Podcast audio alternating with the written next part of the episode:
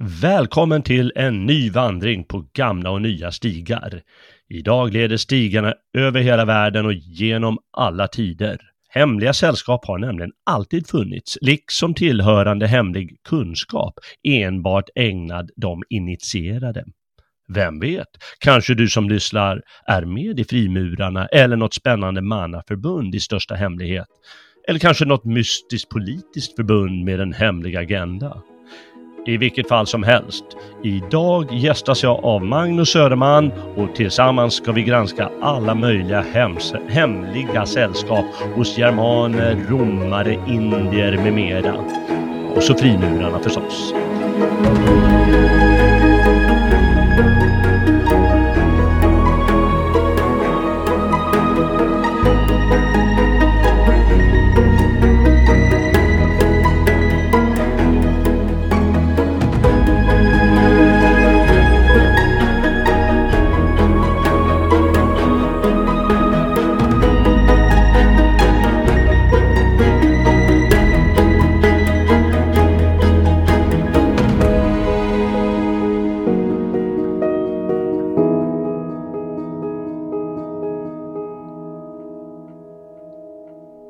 Välkommen Magnus! Tack så mycket, tack så mycket. Och eh, hade det varit eh, någon form av tv istället för radio så hade jag kunnat eh, hälsa dig med ett hemligt handslag kanske. Vem vet, vi kanske tillhör samma hemliga orden. Det kanske vi gör. ja, men det håller vi i största hemlighet. Ja, det måste ju vara hemligt, eh, annars kan det ju inte vara hemligt förstås. ja, ja.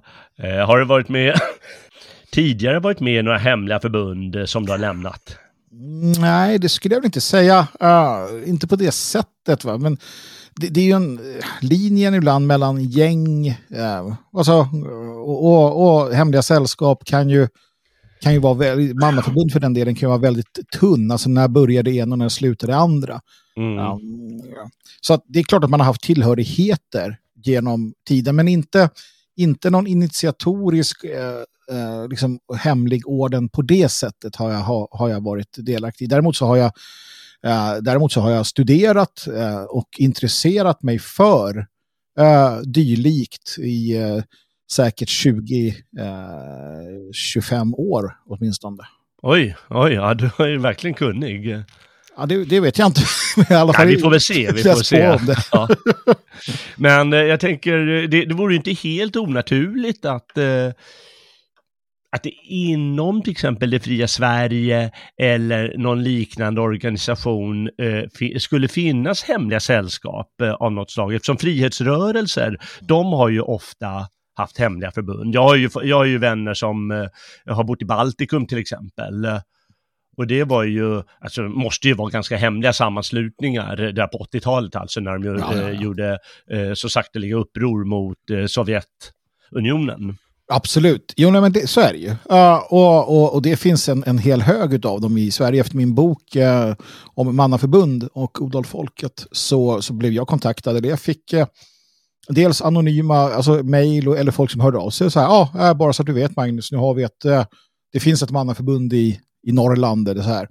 Mm. Och den typen av, typen av grupper finns ju. Men här måste man kanske göra skillnad då mellan, och, och det är väl det jag gör, jag gör skillnad mellan eh, mannaförbund som är då eh, aktivistiska, eh, mer hands-on, mer ett, ett uppdrag att liksom träna och skydda och, och, och upprätthålla ordning och, och sådana saker. Eh, med ett, ett, en, en initiatorisk orden, ett, ett hemligt sällskap som har en esoterisk, gnostisk eh, eh, liksom inriktning där, där lärdom, eh, att, att uppnå viss, eh, vissa Eh, fysiska eller för den delen mentala förmågor eller att närma sig skapelsen eller den stora arkitekten eller eh, att få visdom hem, eller bevara hemlig visdom så att säga är det centrala. Sen har du ju sådana som tempelherrarna som någonstans var både och. Va? Men men, men någon, någon gränsdragning måste man dra, tycker ja. jag också. Ja, vi ska väl göra det snart. Jag bara ta, ta det här med eh, en, en tanke jag fick, eh, jag skrev ner den här faktiskt. Har sossarna hemliga förbund? Det är jag rätt säker på att de har.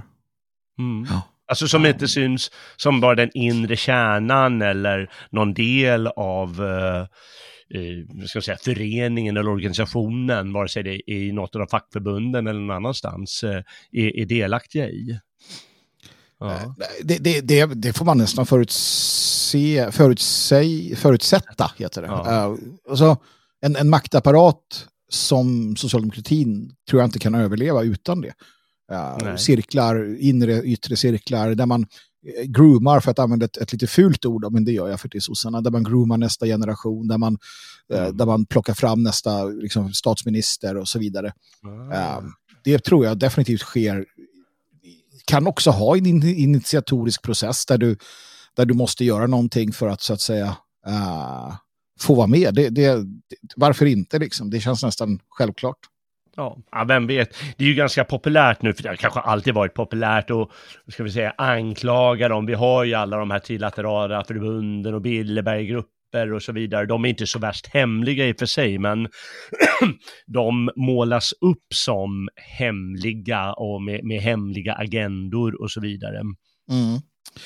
Eh, det, det, är ju ett problem uh, som jag menar uh, när man tittar på det här och tittar på det som jag har gjort eh, försökt hitta vart, var, varifrån det kommer, hur, hur utvecklingen har sett ut och då handlar det framförallt om Europa från min del.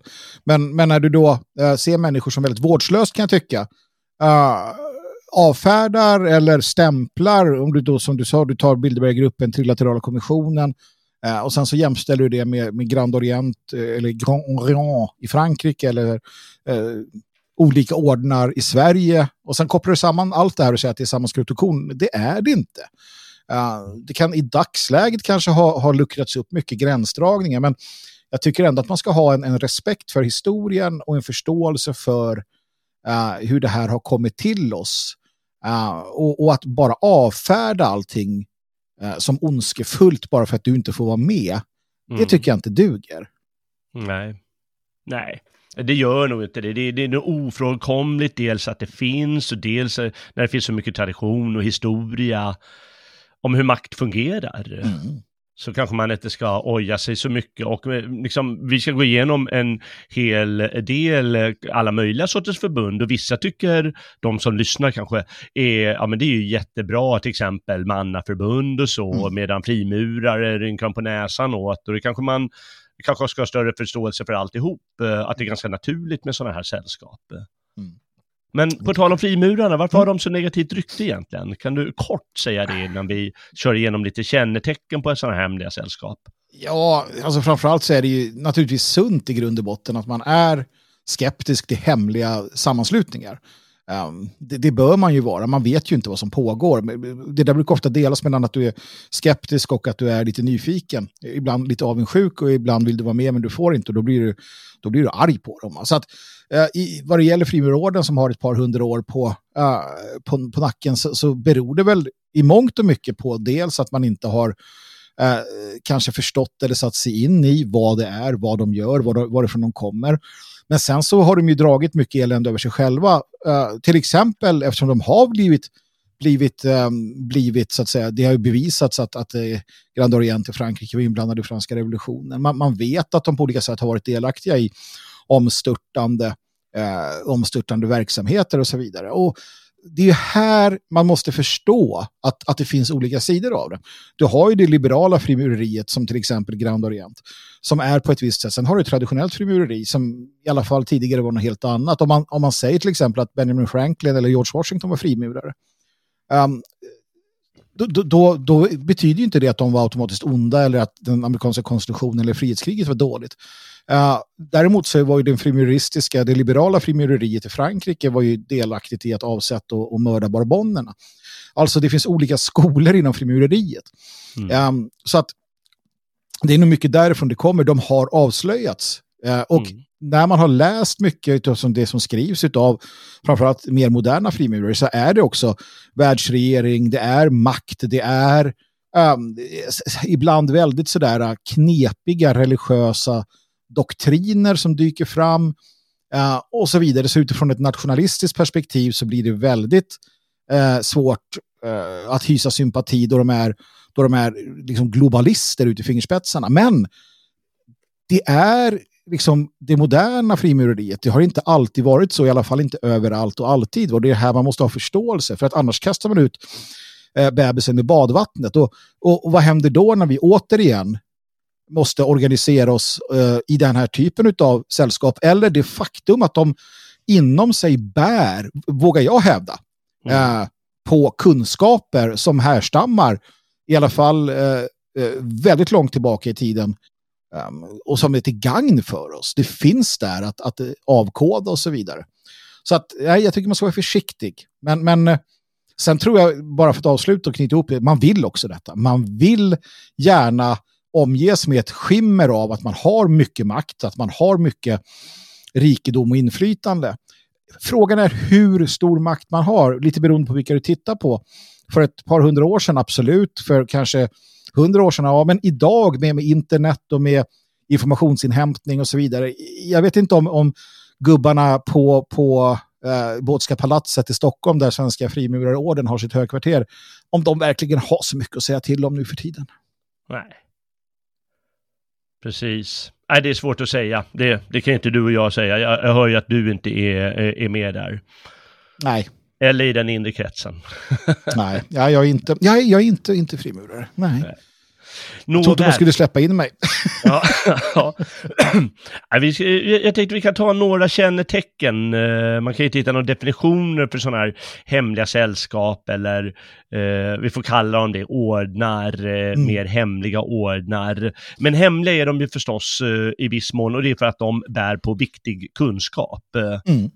Och eh, ibland är det ju det hos eh, naturfolk till exempel så är det ju eh, något så mytiskt urskeende som man vill eh, eh, ska föras vidare så som tradition och kunskap om. Mm. Liksom urmyten om hur människan måste kanske få de här jordarna att komma tillbaka eller grönskan att spira igen när, när vintern har varit jobbig och så vidare och svält råder. Mm. Eller hur man gör eld eller vad som helst. Och, och, ofta är det ett, eh, eller viss, ibland är det ett hemligt vetande. Och jag kommer ihåg att jag läste hos, eh, när jag läste om, om Veda en gång, eh, och gamla indier, det var egentligen mest om indisk litteratur jag ville läsa. Och då, då kommer jag ihåg att indierna, det var så hemligt. Det var så mm. hemlig deras kunskap att de tog med lärjungarna ut i djungeln och så viskade de mer eller mindre. Ja, ja, ja men det är klart. Då ska vi veta att de, de de rabblar ju rabbla och rabbla. Ja. Eh, det är jättestora böcker och dikter och allt vad du kan tänka dig. Så det måste vara ett jäkla viskande där för att föra vidare kunskapen. Ja, men det är klart, för att hur det än är så, så blir ju kunskapen makt. Va? Jag, jag vet, jag läste, och, och det, det, är väl eh, såklart svårt när vi kommer långt tillbaka i tiden, men, men enligt vissa uppgifter och källor så, så druiderna till exempel hade en mellan 15 och 20 års utbildning innan mm. man liksom fick bli novis, eller under novistiden då. Sen så, eh, jag menar, om du har jobbat så pass länge med att få den här kunskapen, om det så bara är hur du gör upp eld, så kommer du inte släppa den eh, lättvindigt. Um, och, och det är också det som är lockelsen i alla tider, också i dessa tider. Uh, att de här ordnarna och grupperna står utanför informationssamhället. De står mm. utanför den lättillgängliga kunskapen. Här krävs det uh, att, du har, att du sätter dig in i saker och ting. Mm. Just det. Ja, det är sant. Och eh, det är inte bara kunskap utan det är givetvis ritualer ofta inblandade eftersom mm. det är en större kult och inte bara liksom, teoretisk kunskap. Mm. Och de var förstås också hemliga och om en utanförstående såg sådana här hemliga riter mm. Eh, låt oss säga druidmöten eller eh, som man hade i Aten hade man ju så här eleusinska mysterier och det var bara de, eh, alla fick inte se på det. Mm. Det, det, finns liksom skådespel där de gör skoj över sånt. Eh, och eh, det kunde vara dödsstraff på att eh, se sådana här hemligheter eller för den delen att avslöja dem om du har varit med. Absolut. Um, och, och, det, uh, återigen, är ju det fullt förståeligt. Um, det, det tycker inte jag är ett argument som, som på något sätt säger att det här är fel eller dåligt. Det är ju för att bevara, um, bevara mystiken kring sig själva och, och, jag menar, om man tittar på det utan att, utan att tillskriva det här någon magiska, eh, någon, ma någon magi, alltså att, att vi, låt, vi låtsas som i alla fall att, att riterna är bara liksom, skådespel. Uh, men men uh, de förmedlar ju sig då någonting om den här gruppen som du blir en del utav. Uh, du lär dig vissa saker. De, de själva har ju det som en lärdom. Jag vet till exempel inom, inom frimurarlogen, om du tar den skotska riten, om du tar i alla fall de nordligaste delarna, fortfarande i Storbritannien. Jag vet inte om alla har det, men där har du en, en rit, en, rit en, en, invigning där det går ut på att du placeras i en kista eh, att du sänks ner under ett golv i en, i en grav. Eh, och sen så lägger man på då eh, marmorskivorna eller vad det är för någonting. Och sen hör du, där du ligger där ensam, så hör du hur dina bröder då, eller blivande bröder, en efter en lämnar salen. Du hör deras fotsteg eh, tynar bort och sen är du helt ensam. Det är helt mörkt, det är helt tyst. Och där ligger du i obestämd tid. Uh, när man, när man säger det så, så jag har hört hur folk använder den typen av ritualistik. Så, så här, ja men titta, de är sjuka i huvudet, de här jävlarna. Onda, eh, satanistiska. Nej, det här är en, skulle jag våga säga, en fantastisk ritual. Och vilken, vilken, tänk att få uppleva detta i den kontexten som är att du då ser dig mera återföds, att du kommer tillbaka till livet eh, som en del av den här nya gemenskapen. Låt oss bara, som sagt, för argumentationens skull, sluta se på, på sällskapet som ondskefullt. Det här är bara ett sällskap. Det är ett sällskap av människor som som går åt samma håll. Va? I det mm. sammanhanget så är det en fantastisk ritual. Jag tror ja, att det skulle vara förlösande för väldigt många att få vara med om liknande. Mm. Um, så att där tror jag att, alltså där avundas man ju lite grann de här som får den här möjligheten. Mm. Um, så, att, så att ritualistik i sig, det är ju det är ju, för, det är ju bra. Det är sånt vi ska ägna oss åt. Psykologiskt. Jag menar, titta till arketyperna och hur Jung resonerar kring detta. Jung hade för övrigt en egen, tillsammans med Hermann Hess, Carl Jung um, med flera, hade ju ett eget hemligt sällskap, en, en hermetisk orden. Uh, ja, så att det är ju inte bara eh, knepiga människor som, som hade det. Nej, nej, precis. Det är sådana man beundrar också som har väldigt intressanta tankar och idéer och föreställningar. Och det du, exemplet du gav där, eh, mm. eh, det är ju en, eh, en ritual för att skapa tillit. Oh. Att du ska ha tillit. Och eh, jag har ju varit ledare för teatergrupper. Mm. Och eh, en, en, väldigt vanlig liten övning, eller vad man ska kalla det för, är ju till exempel att en person ställer sig på ett bord och faller mm. baklänges. Just det. Och då måste de andra ta emot. Mm. Och det är ju förstås ganska obehagligt för du ser inte vad som händer. Nej. Men det är ju en fantastisk känsla att bli uppfångad. Ja. Och det, det svetsar givetvis samman eh, gruppen, det är därför man gör sådana här, att eh, då känner man liksom med kroppen en, en annan tillit än om jag bara säger, på, säger till dig, ja du kan lita på mig. Mm. Så det är liksom ett helt annat band som, som, som kommer till stånd efter det. Och mm. det är som du säger, då tänker man på det så enkelt så blir det ganska positivt. Ja, och tillhör du då den, den västerländska mysterietraditionen, eh, om du är en, en mystiker eller aspirerar på att bli det, då finns det ju naturligtvis också andra aspekter utav, bland annat för frimurarritualer till, till, till, till mångt och mycket, det är ju ingenting som, som varit så ondskefullt eller knepigt, det är inget som de har så att säga i modern tid på själva, det här härstammar ju från någonting.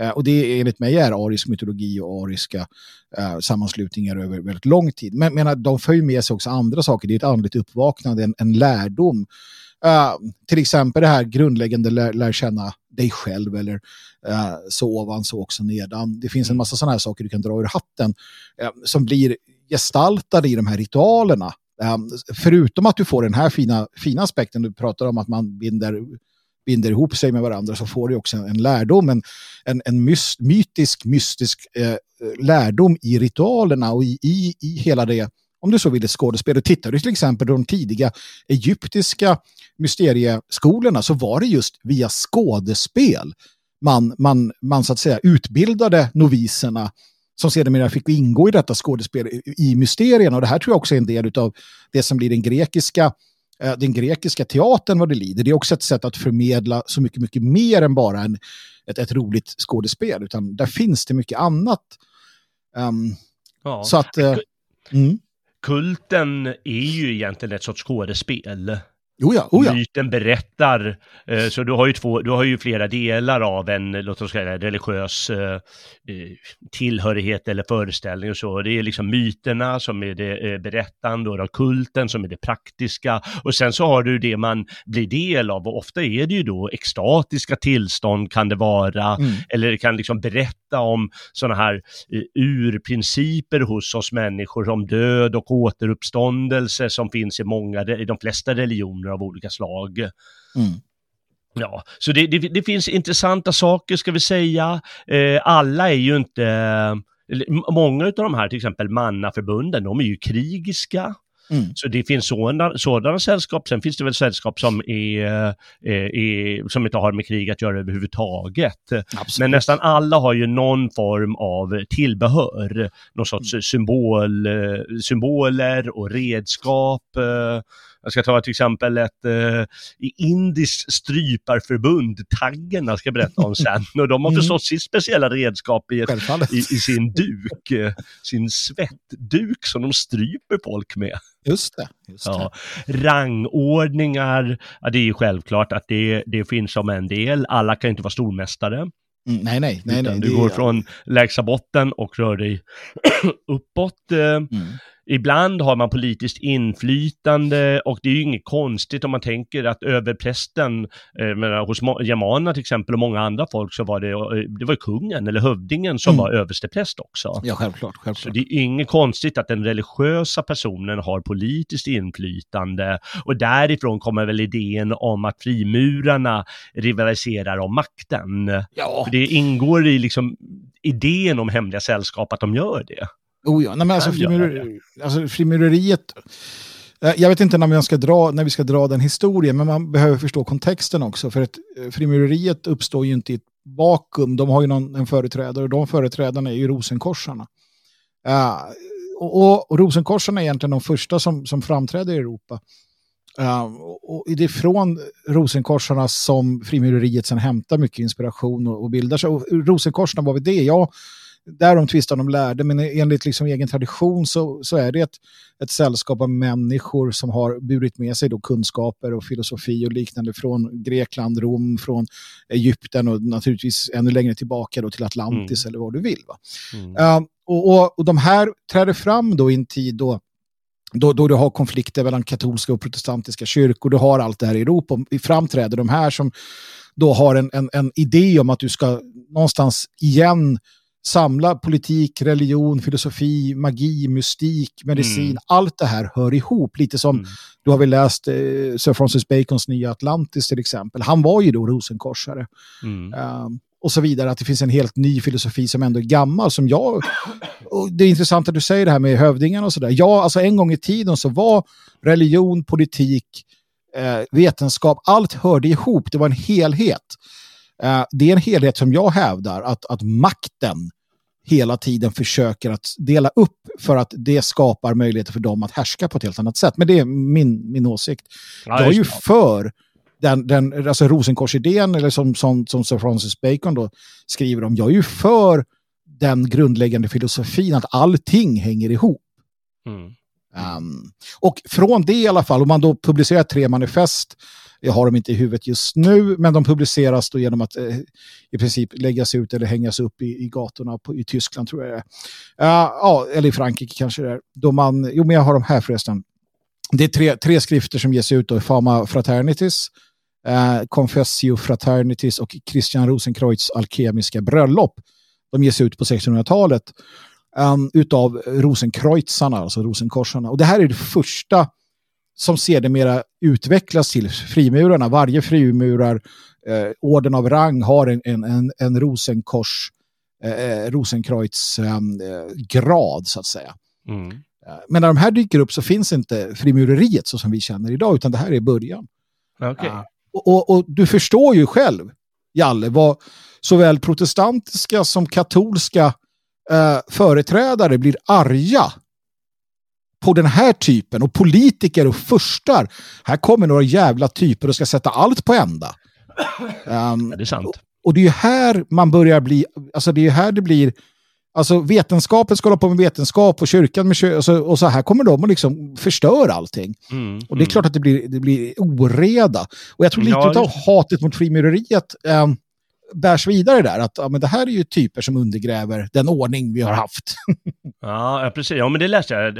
Eh, alltså under medeltiden, Karl den store, han kämpade mot eh, olika sorters gillen som fanns före mm. de här eh, vet du, stadsgillen så fanns det olika he med hedniska inslag och familjer Precis. som hade, ja då tänker jag, ja, men det är familjer som utmanar om makten. Och ja. kyrkan var förstås också emot det, för de utmanar då de traditioner, de liksom religiösa traditionerna som, som de står för. Så det är ju det är klart att makten kämpar emot eh, alla sådana, eller mm. tycker att det är obehagligt i alla fall med, med det, det är ju någon sorts maktinslag som konkurrerar. Oh ja, alltså, du, kan ju, du, du kan ju se på flera aspekter. Å ena sidan är det rent realpolitiska, makt och liknande.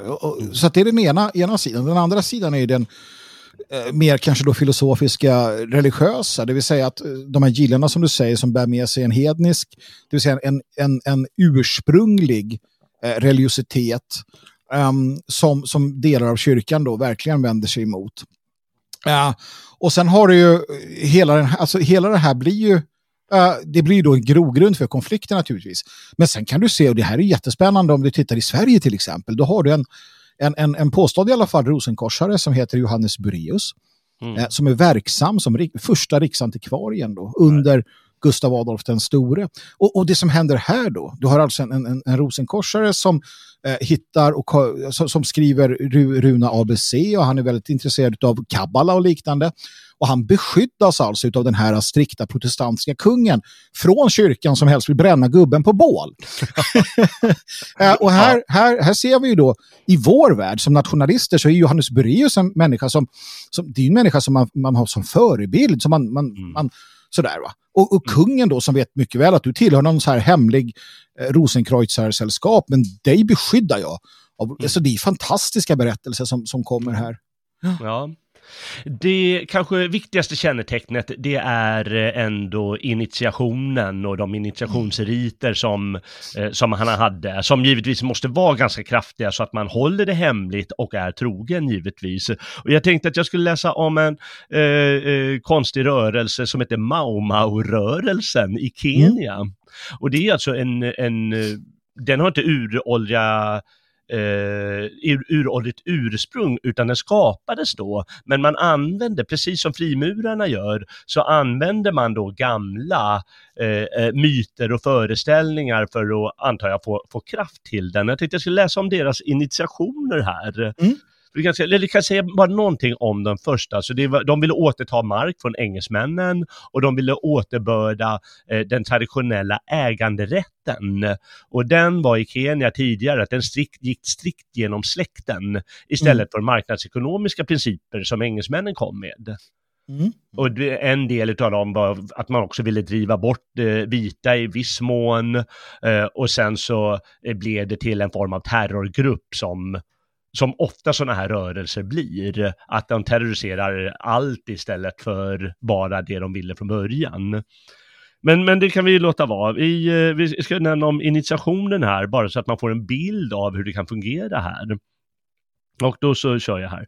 Eh, de högsta av sammanlagt åtta initiationsgrader kunde självfallet uppnås endast av personer, män såväl som kvinnor, som genom terroristisk verksamhet bundits till Mao Mao utan återvändo.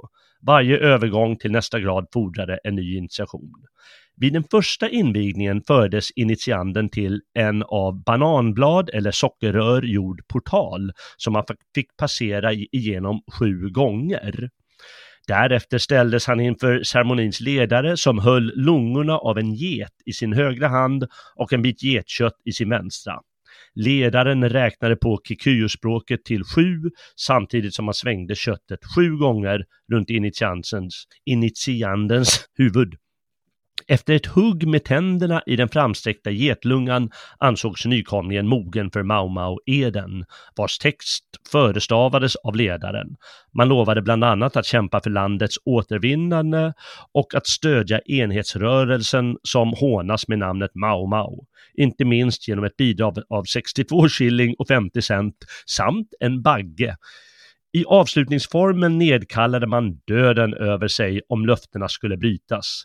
När eden avlagts beströk ledaren initiandens panna med getblod, gjorde tre snitt i hans vänstra handled och lät hans blod rinna över getköttet. Till sist bet den nyblivne medlemmen i, get, i köttbiten, där nu getblod blandats med hans eget, och ledaren förklarade att gemenskapen med enhetsrörelsen därigenom var beseglad. För att stärka gemenskapskänslan invigde man vanligtvis flera personer vid samma tillfälle. De nyinvigda uppmanades att avhålla sig från könsumgänge under de följande sju dagarna och att hemlighålla sitt medlemskap i rörelsen. Likaledes underrättades de om lösenord medlemmarna emellan. Mm. Så går det till i Mau-Mau-rörelsen, eller gick till för eh, den blev ju utplånad sen. Jo. Av britterna antar jag. Nej, men det är ju intressant. Jag, jag, hade ju inte velat gå igenom den här riten. Den lät inte särskilt sådär uh, germansk, i alla fall inte modern germansk. Jag tror inte heller historiskt sett heller, uh, om jag ska vara ärlig. Men i alla fall. Uh, men det jag tänker är ju att om du går igenom den, vilken grej. Mm. Alltså när du är färdig, när du har gjort detta, när du har tillsammans med dina nya då, bröder och systrar genomlidit detta, gått igenom detta, kommit ut på andra sidan. Alltså det, det band psykologiskt som du så att säga binder till varandra, det, ju, det, blir, ju, det blir ju enormt. Mm. Uh, helt enkelt. Så att, så att mm. man förstår ju verkligen uh, nyttan av ritualistiken, invigningen, initiationerna och så vidare. Mm. Ja, man gör ju det. Och eh, jag ska säga delar av det här, det finns, det kan man läsa liknande grejer i, eh, det finns isländska sagor och i, mm. i eh, allmän germansk Så jag tror inte det är helt eh, ovidkommande. Nej, nej, nej. Utan mycket av de här påminner om varandra runt hela eh, världen, att man äter rått kött eller rent av eh, kannibaliskt, eh, det finns ofta rykte om kannibalism mm. och så vidare hos dem. Eh, men inte moderna, inte moderna västlänningar gör ju inte sådär. Nej, alltså det är intressant det där kannibalismen till exempel. Det, det vidlåder ju den tidiga kristendomen anklagas ju för detta. Mm. Och det är, ju inte, det är inte helt utan en orsak, utan det är just för att man vet om, eller det är en gammal tradition att, att såklart hemliga sällskap av olika slag, speciellt de som är emot den rådande makten, det är mm. klart att de ägnar sig åt eh, pederasti, de ägnar sig åt, åt äh, att äta äh, liksom, kroppsdelar och sådär. Det finns ju också den, den, den aspekten att ta hänsyn till äh, när segrarna skriver de besegrades historia. Mm. Uh, jag menar, titta vad de kristna sa pågick i uh, tem vissa tempel i, i Grekland. Det var ju bara snusk och hor och elände. Ja, Om man får tro dem. Det, det vet vi ju inte naturligtvis. Um, men, men, men, absolut, det är klart att man gör saker uh, på de här invigningarna för att det ska betyda någonting och för att du ska liksom smälta samman. och ja. som sagt, du får, du får lära dig hemliga handslag redskap, hur man använder dem och så vidare. Mm. och så mm. vidare. Där är ju frimurarna eh, definitivt duktiga på det. De har ju en uppsjö ja. utav sådana. Ja. Eh, det här var ju en, eh, som jag förstår det, skapad eh, grupp. Eh, mm. Och inte en som funnits eh, länge, länge och som har liksom ett naturligt ursprung. Däremot jag kan bara nämna några som finns, som, jag läst i en bok här som handlar om mm. hemliga sällskap. något som heter Duck Duck, en eh, melanesisk, eh, och det finns jättemycket där runt i, uh, bland Australiens ur, urbefolkning och mm. i, i Melanesien. Uh, och det är ofta att de har stora fågeldräkter och uh, allsköns tänkbara regler och föreställningar. Indianer hade, alla olika indianer hade sina eh, vad ska jag säga, eh, hemliga sällskap som utövade de några viktiga riter, bland annat ett, ett kannibalsällskap här eh, hos Kwakiutl-indianerna i Vancouver-trakten. Mm. Mm. Och eh, då förstår vi att det fanns, det, skälet till att de kallas kannibaler, det var att det, eh, det var en kannibalistisk gud mm. som, eh, som de hade som en viktig figur. Och en del utav det var liksom att ingå en mystisk union med guden som finns i alla de här mysti mystiska avdelningar av eh, huvudreligionerna. Och de flesta naturreligioner. In, uppgå i extas och så vidare. Jag ska inte ta tusen exempel för det är så mycket, vi fick ju de här Mao Mao nyss.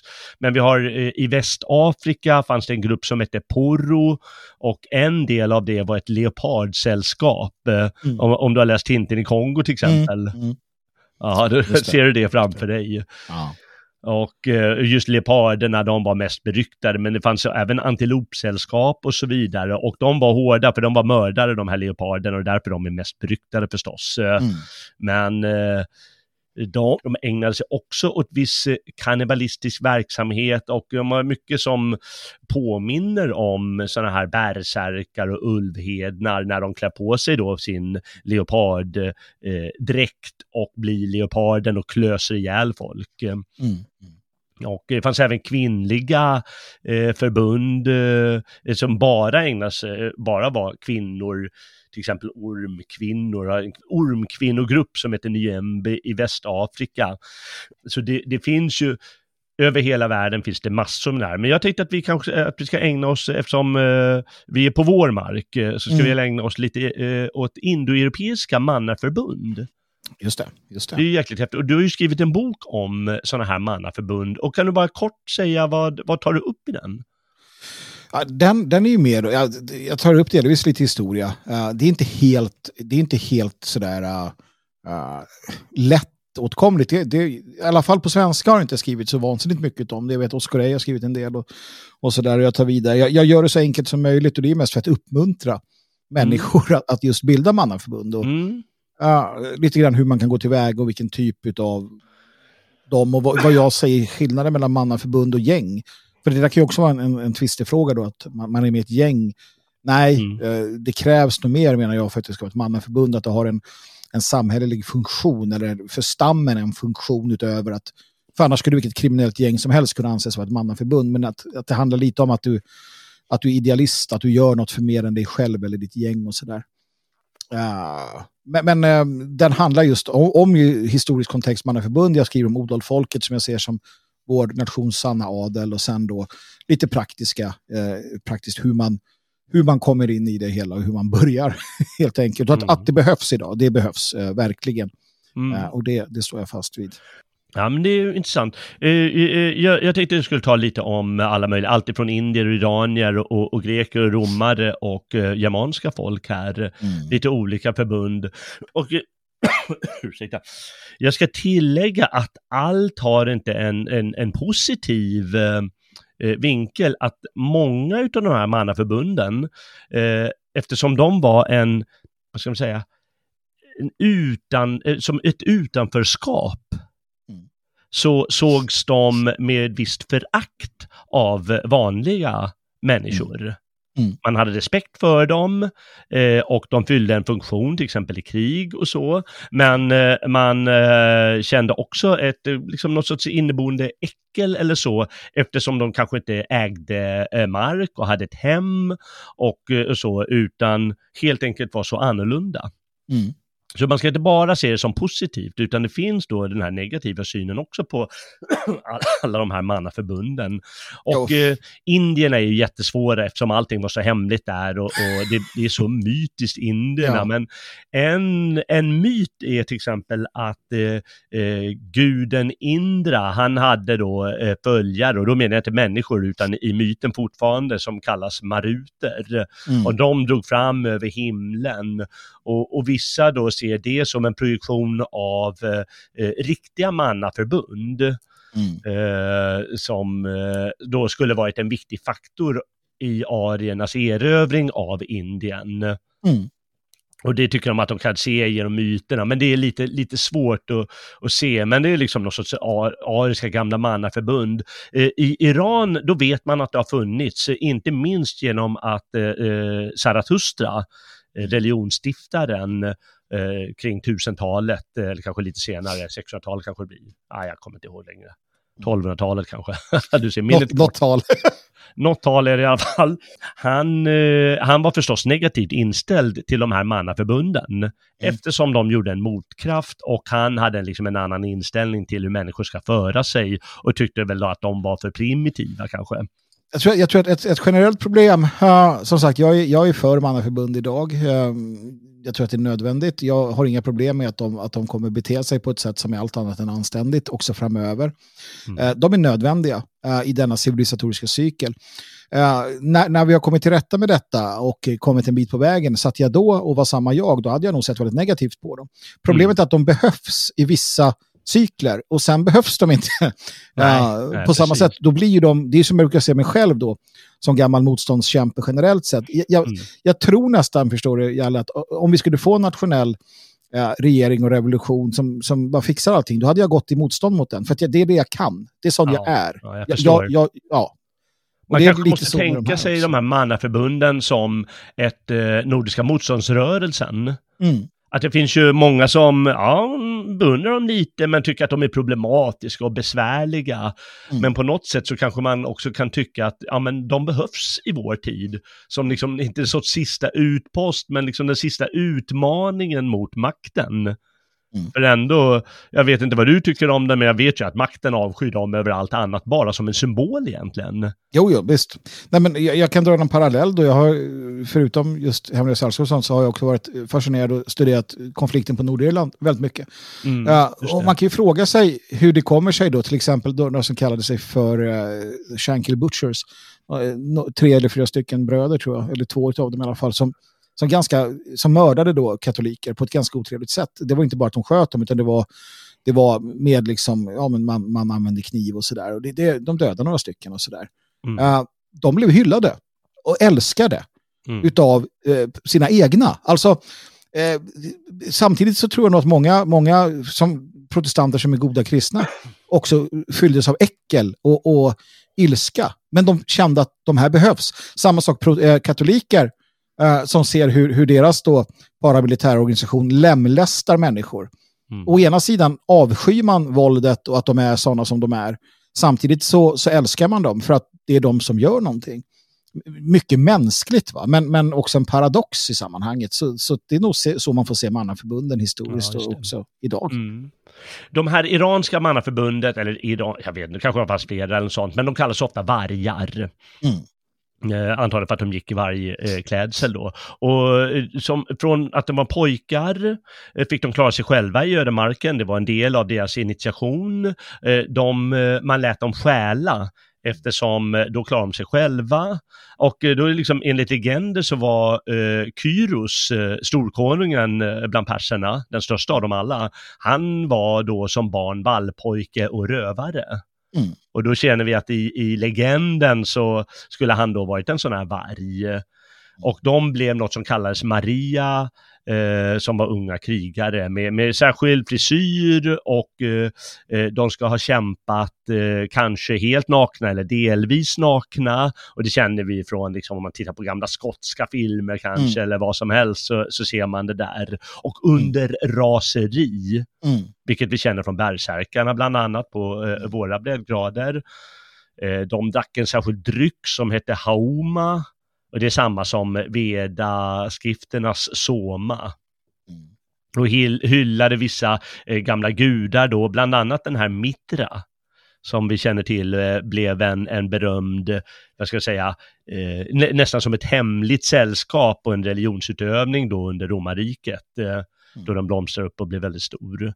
Och eh, de hade ja, alla möjliga riter och masker och tjuroffer och bland annat eh, så eh, rituellt, bland, som en del av initiationen så skulle man döda ett drakvidunder. Mm. Och det är precis som Indra gör med, oh, vad heter den gamla urdraken?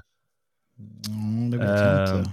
Nu tappar jag namnet på honom, men, men det gör han Indra. Och uh, den här känner igen att man dödar ett, ett, ett vidunder, det fanns även i Norden. Oh, och det var så att man maskerade förstås att det var en jättestor uh, björn eller något sånt, då skulle man döda den. Och så var man kanske under särskilt rus när man gjorde det. Mm. och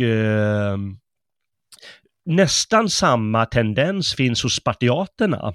Och då mm. säger jag det här att ja, men vi, vi, eh, vi, Sparta framstår ju ofta som idealet för, för väldigt många. Mm.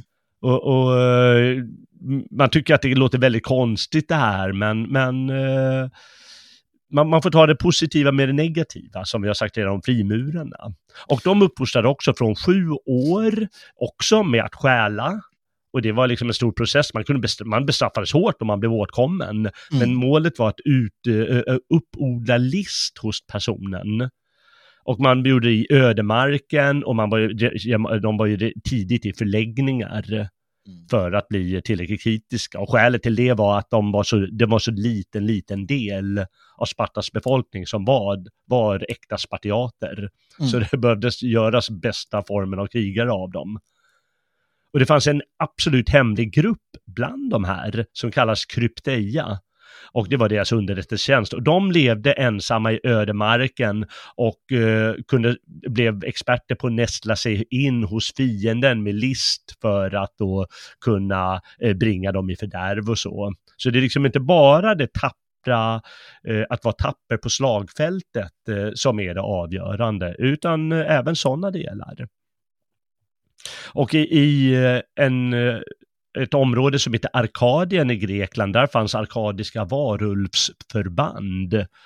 Eh, och egentligen fanns sådana här liknande vargar som de kallas för i, i, hos perserna, det fanns över hela Grekland. Och de dyrkade Zeus Lykaios, det vill säga en aspekt av Zeus, eh, mm. när han är i varggestalt.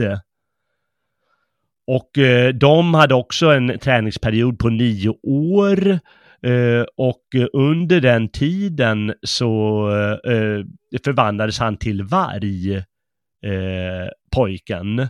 Och han tog sina vanliga kläder och hängde upp på ett träd och sen simmade han bort från hemmet eh, och levde då, eh, ja, kanske inte ensam helt, va? viss hjälp får man anta att de hade haft, men då levde i vildmarken så att han skulle få vargens krafter förstås. Och det finns rituell kannibalism i det hela också här i alla de här grekerna och romarna också. Eh, och sen så skulle han eh, få hela eh, djurets eh, järvhet och kraft och list och så. Han skulle klä sig i vargkläder och sen så kom han tillbaka till civilisationen efter de här nio åren. Vi har i Syditalien något som kallas eh, ett folk som heter lukaner och de gick också i vargklädsel när det behövdes eh, och eh, ägnade sig åt stöldräder och levde bland herdar och, och så. Och då har vi återigen den här utanförskapsaspekten. För det måste ju de här spartiaterna också, de måste ägna sig åt stöldräder och så. Kanske även bland det egna folket ibland. Ja, ja, jo men så ja. var det. Ja, och i Rom känner vi igen deras grundläggningsmyt, hur Remus och Romulus växer upp och dias av vargar mm. eller en varginna. Och sedan hur de växer upp som herdar och vi vet att Roms tidigaste invånare, det tyckte alla är så knasigt, oj vad är det för konstigt folk? Mm. Det var ju förbrytare och hemlösa. Mm. Men då förstår vi ju varför. Det var ju förstås att de var vargar. Ja, såklart. Ja, och de var ju söner eller äh, ättlingar till Mars. Och Mars heliga djur är just vargen. Mm. Och då spekulerar vissa i att ja, men myten skildrar hur man anlitade sådana här som försvarare till den nya staden. Mm. Och eh, eh, ja, det finns även fruktbarhetsinslag i alla de här eh, eh alla de här grupperna. Men vi ska väl ta det intressantaste och det är ju förstås eh, oss germaner. Mm. Och Tacitus han, han berättar i sin bok Germania om, om chatterna bland annat och deras mannaförbund. och från och med puberteten lät de håret växa. Eh, och vanliga chatter, de klippte av sitt hår mm. Eh, när de hade dödat en människa. Men antagligen inte de som eh, fortsatte vara del av det här mannaförbundet. Eh, och de fick järnringar som en del av initiation. De var alltid de som anföll i första led. Och de här chatterna som tillhörde mannaförbundet, de hade inte egendom, som jag sa förut, eh, utan de levde hänsynslöst av andra. De liksom gick in till familj, ja men nu ska jag vara här ett tag. Och därför såg man också ner på det här liksom slösare, de bryr sig inte om sina medmänniskor riktigt, utan de lever bara, ja, lever av andra. Mm. Men, men så gjorde de och då, då har de där lite barnära över sig, liksom gick sluskiga kan man ju tycka, liksom att de brydde sig inte om egendom. Mm. Och då kan vi känna raggare, skinnskallar, vänstermuppar. Mm. Där har vi ju dem. Det är liksom utanförskapet eh, Ja, på ja. många sätt. eh. Men det var de fyllde en funktion i de här samhällena. Just, just det här Ja. att de, att de eh, att de är då krigarna eller de som går, när det väl smäller så är det de som tar första slaget liksom och, och sådär. Och det är väl Exakt. det som också går igen eh, hos alla de här som mannaförbunden. Eh, Man, man kan säga att det, är inte ord, alltså det är inte, jag tror att, eller så här, det är nog ingen idé att vi försöker sätta oss in i hur det fungerade riktigt, för det kan vi inte förstå. Eh, eh, och vi kan definitivt inte applicera det på vår tid, men, men det är jäkligt intressant att, att få de här brottstyckena, för att det, det, visar just det här du säger då att eh, när man tittar på det som att de är utstötta, föraktade, men ändå så är de en integrerad del i samhället på ett sätt där man inser att det fanns en beundran också. Jag tror att idag så är det många som, som känner samma sak, att man önskar nästan att man kunde bara dra på sig kängorna eller vad det nu ska vara och bara ge sig ut. Jag menar, jag, Mm. jag kan definitivt få den här, när, när du pratar om eh, de här vargarna, du vet, man bara liksom tar ett par, tänk dig bara ett, ett gäng utav ens bästa vänner. Och man bara dricker en massa öl, sliter av sig kläderna, springer mot fienden och bara vevar allt man kan.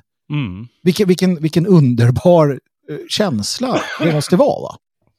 Det här är ju någonting som vi har tappat som du sagt och du, du känner till skinnskallerörelsen Oh ja, givetvis. oh ja. Ja, och eh, det, samhället i stort som du säger ser ju ner på alla de här eller raggarna eller vad som helst. Men Mm. som du säger, de borde ju egentligen vara en integrerad del av samhället som det var i alla de här gamla samhällena.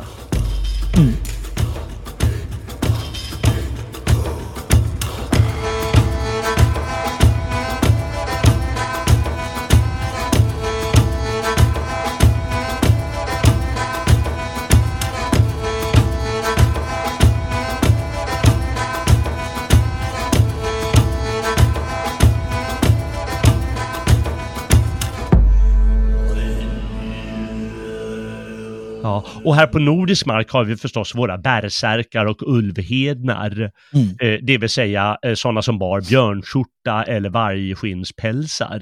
Mm. Och de sågs av vanligt folk som besvärande och smutsiga. Och det tänkte jag skulle läsa, det är många som beundrar den här franska mytologen Dumézil. Mm. Och han sk- beskriver faktiskt synen på dem på ett intressant ställe här. Mm. Eh, ska se här. Eh, han, han kallar dem att de inte är annat än ett följe stråtrövare utan heder och moral, en skräck för bönder och bondkvinnor, en skräck också för de stackars lapparna här uppe i norr då, samerna, som utan tvivel avbildat dem i sina folktraditioners mest fruktade väsen stalo. Och det är väl någon sorts urväsen och liksom även han beskriver dem eh, som liksom ett negativt inslag många gånger. Men Mm. ändå som vi säger en viktig del av, eh, av samhället. Mm. Och de åt ju rött kött och de drack blod. Och då känner vi igen det här att dricka blod är ju samma, då blir ju samma som indierna soma till exempel. Och de har kannibalistiskt rykte i viss mån. Och initiationen var som sagt att döda ett sånt här vidunder under rus. Och det är ofta att de har maskerat då en björn eller någonting annat. Och jag tror att i Völsungasagan, undrar om inte när, när, när de berättar om Sigmund, att han är med om något sånt. Mm. Det vill säga eh, eh, Sigurds fader. Mm. I alla fall, Säkert. de var Odens män. Mm. Och Oden, han är ju också en hamnskiftare. Mm. Och enhärjarna, de kan ju ses som en mytisk, de som bor uppe i Valhalla alltså, krigarna där. Mm. Eh, de är liksom en sorts mytisk projektion av de här ulvhednarna eller bärsärkarna. Och eh, eh, Oden, han i, i eh, eh, vad heter andra sången nu? I Eddan? Ja, Havamal. så heter den. Där off- han offrar ju sig själv åt sig själv. Mm. Och det skulle då vara en sorts, eh, att han instiftar det här manbarhetsprovet eh, som är initiationen för att bli en sån här eh, bärsärkskrigare. Ehm, eh, och det, den här, det finns ju något som heter Odens vilda jakt. Mm. Eh, som försiggår kring juletid. Och det var ju vanligt med folkliga upptåg då som, eh, förr i tiden och eh, faktiskt ända in i vår tid. Jag berättade lite om i, i julprogrammet hur man på annandag till exempel hade sådana här upptåg i vissa städer eh, för bara en generation sedan. Och det skulle väl också vara en återspegling av de här mannaförbunden, hur de, deras otyglade framfart. Eh, mm eh, nästan som en spökhär anförda av orden och i förbund med de döda. Mm. De har ju vigt sig åt döden. Mm. För det är det någonting som, som eh, alla de här största krigarna står för, är det en total orädsla för döden. Jo, nej men som sagt, de, det är ju samma, alltså tar du ett så, så har du alla eh, egentligen, om man, om man tittar på dem. Um, det, det, är i princip eh, kopior av varandra, vilket visar att de tillhör en tradition som, som har funnits med oss uh, ofantligt länge. Och det säger också att de finns idag också. Det är bara det att idag så är samhället så pass annorlunda att uh, du är inne på skinnskallar och raggare och. Ja, vilka är dessa människor som hamnar här i alla fall en tid av sitt liv? Ja, vi kanske börjar förstå det här. Och vi har liksom, och, och frånsett mångkulturproblem, så med social utanförskap, människor med olika diagnoser, vi vet hur man kallar dem för det ena med det andra. Uh, och, och psykofarmakan som, som folk tuggar i sig. Mm. Svaret kanske ligger i att samhället är för civiliserat. För, uh, alltså, vi tillåter inte människorna som, som faktiskt hör hemma i, i forna tiders mannaförbund att, att leva som de är programmerade utan de ska tvingas in i någon modernistisk mall. Ja, och då precis. mår de dåligt va? Ja, det blir ju så. Det, det är det vi kallar att då, ja, men då blir de Facebook-arbetare. Ja, precis. det blir sinnebild för det lägsta av det lägsta. Liksom en, mm. en kille som väger 52 kilo, liksom. Något sånt. Mm, mm. Ja, nej, vi ska inte gå in på det. Men eh, vi kan ju säga att eh, eh, nationalsocialisterna inom armén och inom vissa grupper av SS och så vidare, de inspirerades ju ganska mycket av eh, sådana här vargar och bärsärkar och andliga hemliga förbund. Och kan, du kan ganska mycket om det, kan inte du? Eh, jo, men det har jag läst en hel del om eller tittat väldigt mycket på eh, just Arjosofin då. Uh, som, alltså den typen av förbund i Tulesällskapet och det är uh, alltså Vrilsällskap och det, det, är väldigt många, de är alltså proto, uh, proto NS, växer fram i Völkers Tyskland kan man säga, slutet på 1800-talet, början på 1900-talet. Uh, nej, som, som ett resultat av bland annat teosofin som kommer då en nyandlighet, ett, ett intresse för, för germansk kultur och liknande. En blandning då också med den, den gamla Rosenkors-filosofin i mångt och mycket. Uh, uh, och du har då må många inslag av frimureriet här. Man slår sig loss från ett frimureri som har blivit internationalistiskt med, med Illuminaternas inträde 1776 eller där i krokarna. Uh, så får du en, en, en nationalistisk, eh, ett nationalistiskt frimurarväsen egentligen i Tyskland som, eh, som sakta erövrar mark eh, och som då eh, intresserar sig väldigt mycket för, för det germanska. Du har sådana som Guido von List och Carl von Liebenfels och liknande.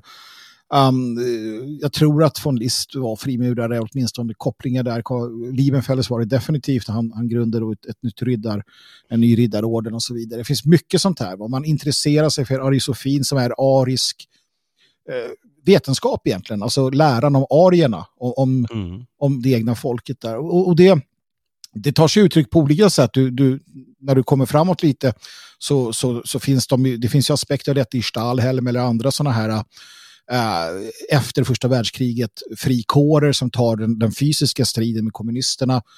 Äh, du har folk från de här hemliga sällskapen som är definitivt aktiva i den nationella revolutionen äh, på olika sätt och vis. några av dem avrättas av kommunisterna under, äh, i Bayern tror jag under, äh, under det upproret. Äh, från Turesällskapet just och så vidare. Och sen så då så, så det som händer sen när nationalsocialisterna tar makten, Rudolf Hess till exempel var medlem i en av de här, och, och så där. det som händer när nationalsocialisterna tar makten, det är att, att SS, som du är inne på, det är egentligen en, det är egentligen en frimurarorden eh, och en, en, en, ett, ett krigarförbund och ett mannaförbund. Ja. Mm. Alltså, det, det, är en riddarorden, ett, ett, eh, en frimurarorden och ett mannaförbund. Um, de aspekterna finns här och, när de då, uh, och det blir alltså en del av statsmakten. Och när de kommer in och tar den kontroll de tar så förbjuder man naturligtvis alla andra hemliga sällskap. Man förbjuder frimurare, man förbjuder mm. Thulesällskapet, allting förbjuds för allting ryms inom SS. Och det, det som är så intressant här det är att den, den, den, forskning då till exempel som Thulesällskapet och Vrilsällskapet och alla ägnar sig åt, den tar SS över. Det vill säga att de är inte alls främmande för att, att forska inom de här områdena. Man skickar, man skickar eh, delegationer till Tibet för att, att eh, liksom hitta eh, det adiska ursprunget. Man, mm. man forskar på, på vrilkraften. Uh, man har riddarordnarna i Webelsburg så har du liksom tron, tronsalen i kryptan. Du har Eh, Eh, du har Himmler som, som eh, åker till Kvedlingburg och, och hälsar fågelfängaren som är hans, han in, ser sig själv som en inkarnation av denna eh, konung. Du har mystiken, myten, det mustiga. Alltså allt det här har du i en... Och det är därför också man hatar SS. Det är därför den moderna världen avskyr och hatar SS-orden mer än någonting annat. För att den, den är verkligen ett, ett, ett, en, en, en gestaltning av den ariska krigarmyten, eh, den, den ariska eh, religiositeten, ett ursprungligt, du vet, det är en urkraft, det är en arketyp i sig, så som Jung i, i princip identifierar den här rörelsen. Och allt samlas i SS. Eh, och, och, det är ju fascinerande eh, för oss som, som eh, kan se på det på det sättet och förstå den här orden. Men man, man är alltså alltid ett här någonstans. Och ja, det är, ju, det är ju staten i blivandet. Hade inte Tyskland fallit så är det ju SS-staten som hade blivit eh, verklighet helt enkelt. Ja, ja. ja, det är mycket möjligt. Eh, man, man, måste i alla fall säga att det är intressant. Eh, oh ja, oh ja. Sen som du säger att de har det sämsta ryktet av alla. Men det är förstås en utmålning och det, det, är egentligen att, de, att man bara tar synen på frimureri som någonting negativt och så, så, så boostar du den gånger 50. Ja, och då ja, har du synen ju... på SS. Men Precis. givetvis har de också sina grejer som är intressanta och spännande och eh, positiva. Sen får man väl tycka vad man vill om det i, i det stora hela. Ja, ja. Alltså, det, det vi... eller inte. Ja, precis, Nej, men det, det, vi kan liksom fokusera på är ju de, de myst, mytiska aspekterna. Um, mm titta på, titta på eh, SS Annenerbe till exempel som, som bedrev uh, både okult forskning men också som forskning kring, kring uh, raslig härkomst, kring, uh, alltså det var ett av de absolut främsta forskningsorganisationerna i Europa vid den här tiden. Mm. Man, det är det att man tillskriver uh, Annenerbe och SS väldigt mycket där det kommer pseudovetenskap brukar man prata om. Mm. Men det är också för att de är öppna för allt. Till skillnad från, från dagens så kallade vetenskap som stänger dörren till det som man kallar för då pseudo eller parapsykologi eller vad det vill. Det vill man inte, sånt vill vi inte röra vid. Mm. Uh, så var SSR och forskarorganisationerna kring SS var öppna för allt. Lite så som faktiskt då uh, Sir Francis Bacon skriver om i det nya Atlantis. Uh, de har alltså någonstans börjat ge, de har börjat ge en gestaltning åt Rosenkorsfilosofin mm. i, i, i den svarta uniformen och SS organisationen. Och det här måste ju vara fruktansvärt upprörande för, för de moderna eh, humanisterna. Ja. Eh, men också för de som, som tillskriver eh, den här typen av sa, sam, sam eh, eh alltså sällskap eh, idel bara alltså på vår sida som, som bara ser uh, hemskheter i detta så, så är det ju mycket fascinerande helt enkelt. Ja. Och eh, det finns ju en annan sak som gör att folk inte kan ta åt sig någonting av det. Och det är ju att vi lever idag, vi västlänningar idag lever ju i ett fullständigt okrigiskt sammanhang. Ja. Hur mycket de än tjatar om, om uppblossande krig, Ukraina eller Kazakstan eller vad som helst. Vi lever i ett fullständigt okrigiskt sammanhang och om det här är ett mannaförbund mm. eh, av krigare, mm. då kan inte vi fatta dem. De nej, flesta nej, människor i alla fall. Nej, och det är ju liksom någonting man tappar, ja ja, men då, då fattar de inte bärsärkar heller. Det är klart de inte gör. Nej, och det är klart de inte gör det, precis. Nej, och det är klart, jag har ju märkt också när man som själv då gick igenom en initiation i i skinnskallerörelsen. Och det var en initiation, eh, det var liksom politiskt. Eh, men framför allt då naturligtvis eh, utifrån ett, ett sånt här Alltså våld och, och gemenskap och broderskap och sånt. Eh, brödraskap. Alltså det, mm. det, det, man märker också sen när man, när man har passerat det och liksom har blivit vanlig eller sådär. Och jag, jag minns det när jag satt på något arbete jag hade i något fikarum och det var en som berättade om hur, hur, hur, hur, hur chockad personen i fråga var. För att helgen innan då hade man varit ute på krogen och då hade han sett ett slagsmål som utspelade sig vid bordet bredvid. Mm. Och någon hade fått en, en, eh, en askkopp i huvudet. Det var på den tiden man fick röka på krogen. Ja. Och jag så här, ja, nej men vadå? Jaha, coolt. Alltså var det schysst slagsmål? och han var helt, han var helt förstörd, en vuxen man, st ja. stor och stark och sådär. Och där insåg jag också att, nej men har du inte gått igenom det här? Han hade aldrig slagit sitt liv, aldrig. Han ha, hade aldrig varit utsatt för någonting sånt. Och då kände nej. jag det att då, då, då, vet du ingenting. Alltså... Eh, nej. Då ska Nej. man i alla fall inte komma, om man inte varit med om något sånt, då ska man inte komma och säga att det måste vara på det här, det här, det här viset. Nej, nej då, precis. Då, då, då, vet man ju inte någonting om det området. Då ska man väl egentligen bara hålla käften kanske. Ja, jag tycker nästan det. I alla fall istället för att komma med moraliska pekping, pekpinnar och, och mm. sånt. Eh. Men det är ju därför de här... Äh, det är därför de här initiatoriska ordnarna, eller för den delen då mannaförbund eller gäng, eller talat, kan vara, eller är så viktiga. Ehm, mm. För att antingen sköter staten det med, med militärtjänst och, och frivilligförbund och uh, scouter, inte fan vet jag, lite häftigare grejer som man får gå igenom, man får pröva sig själv. Eller så sköter privata aktörer detta. Um, så enkelt är det. För att, e, eller så blir det bara pannkaka av det och det är det vi har idag. Mm. Där en massa människor inte går... Alltså, snälla släng in ungarna på brottning eller något åtminstone. Alltså någonting där de, där de ingår i en grupp och tvingas göra jobbiga saker.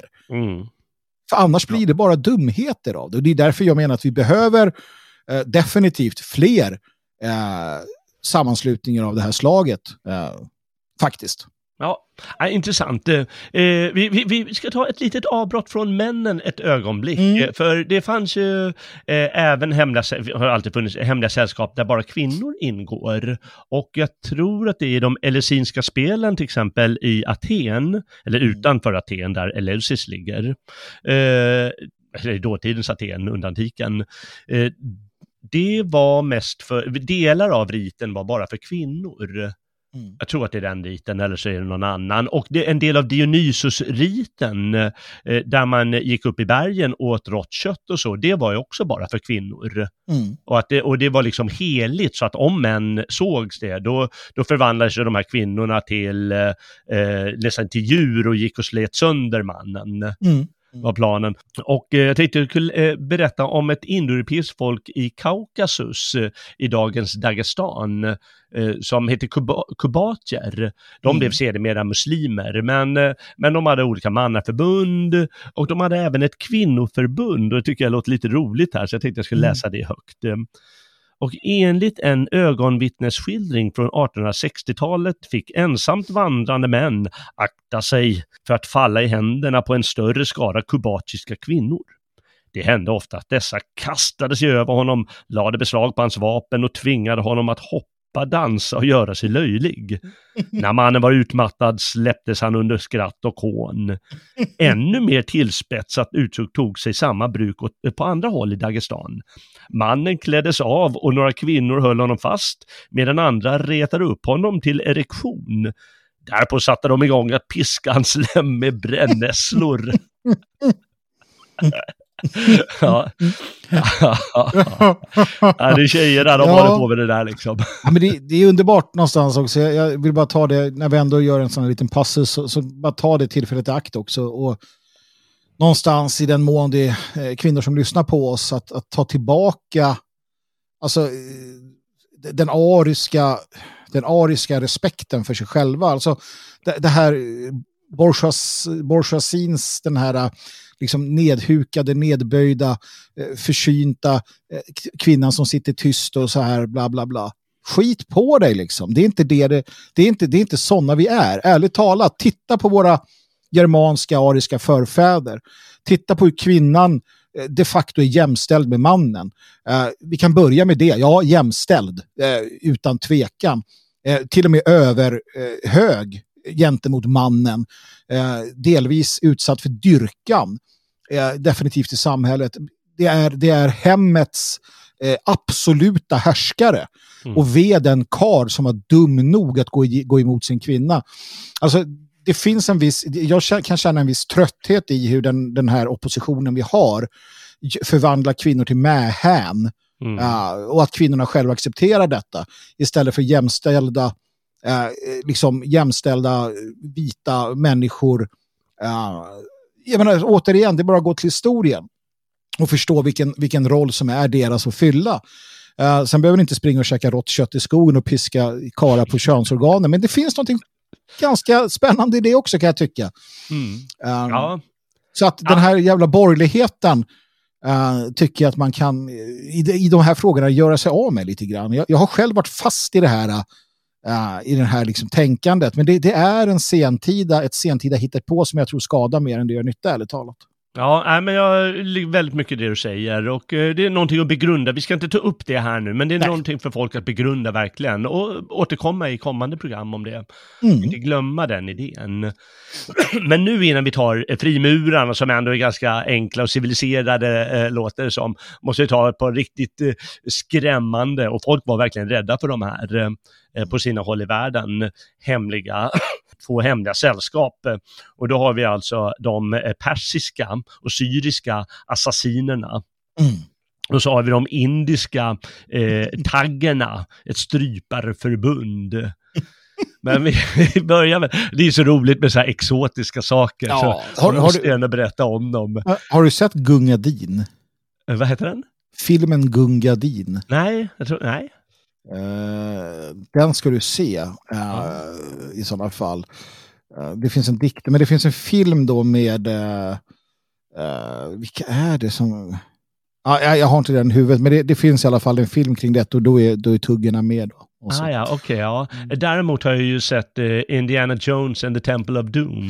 Just det, där har Och de. där är de ju också med. Just det, just Ja. det. Mm. Ja, då vet vi vad vi har att göra med. Men assassinerna i alla fall, eh, och det, det är ju ett annat ord för lönnmördare förstås, vet vi alla Mm. vid det här laget. Eh, det ska alltså ha varit en avdelning inom en religiös eh, grupp muslimer som heter ismaeliter, Mm. som i sin tur var en avdelning inom shia. Och vi vet ju att shia, den har, redan den har ju sin mystiska sekteristiska grund. Och som vi känner igen från det här hemliga sällskap med hemlig kunskap så står ju de för den sanna tron i Mm. opposition till falsk islam. Precis. Jag kan ju säga, bara läsa, jag tyckte det var så kärnfullt sagt här, så jag bara läsa eh, ett par rader, va, om jag hittar det här.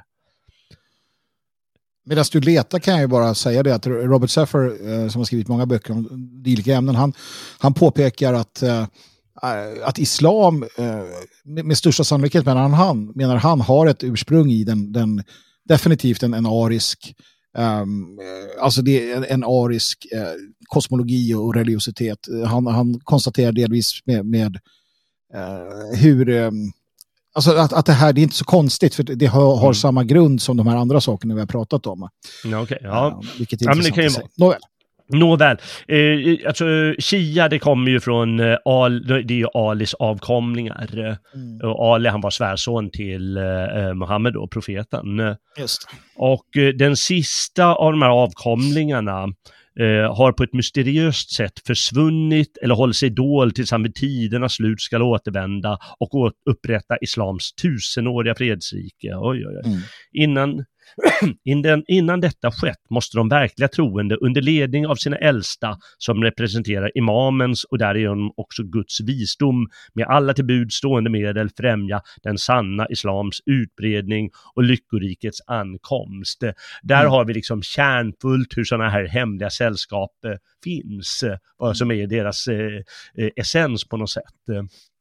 Och ismaeliterna de företrädde i sin tur en allegorisk tolkning av Koranen. Och där har vi det återigen, ja men då kan du tolka det vart hän du vill. Mm. Ja, Ja, ja. Och, och upprättade olika hemliga sällskap.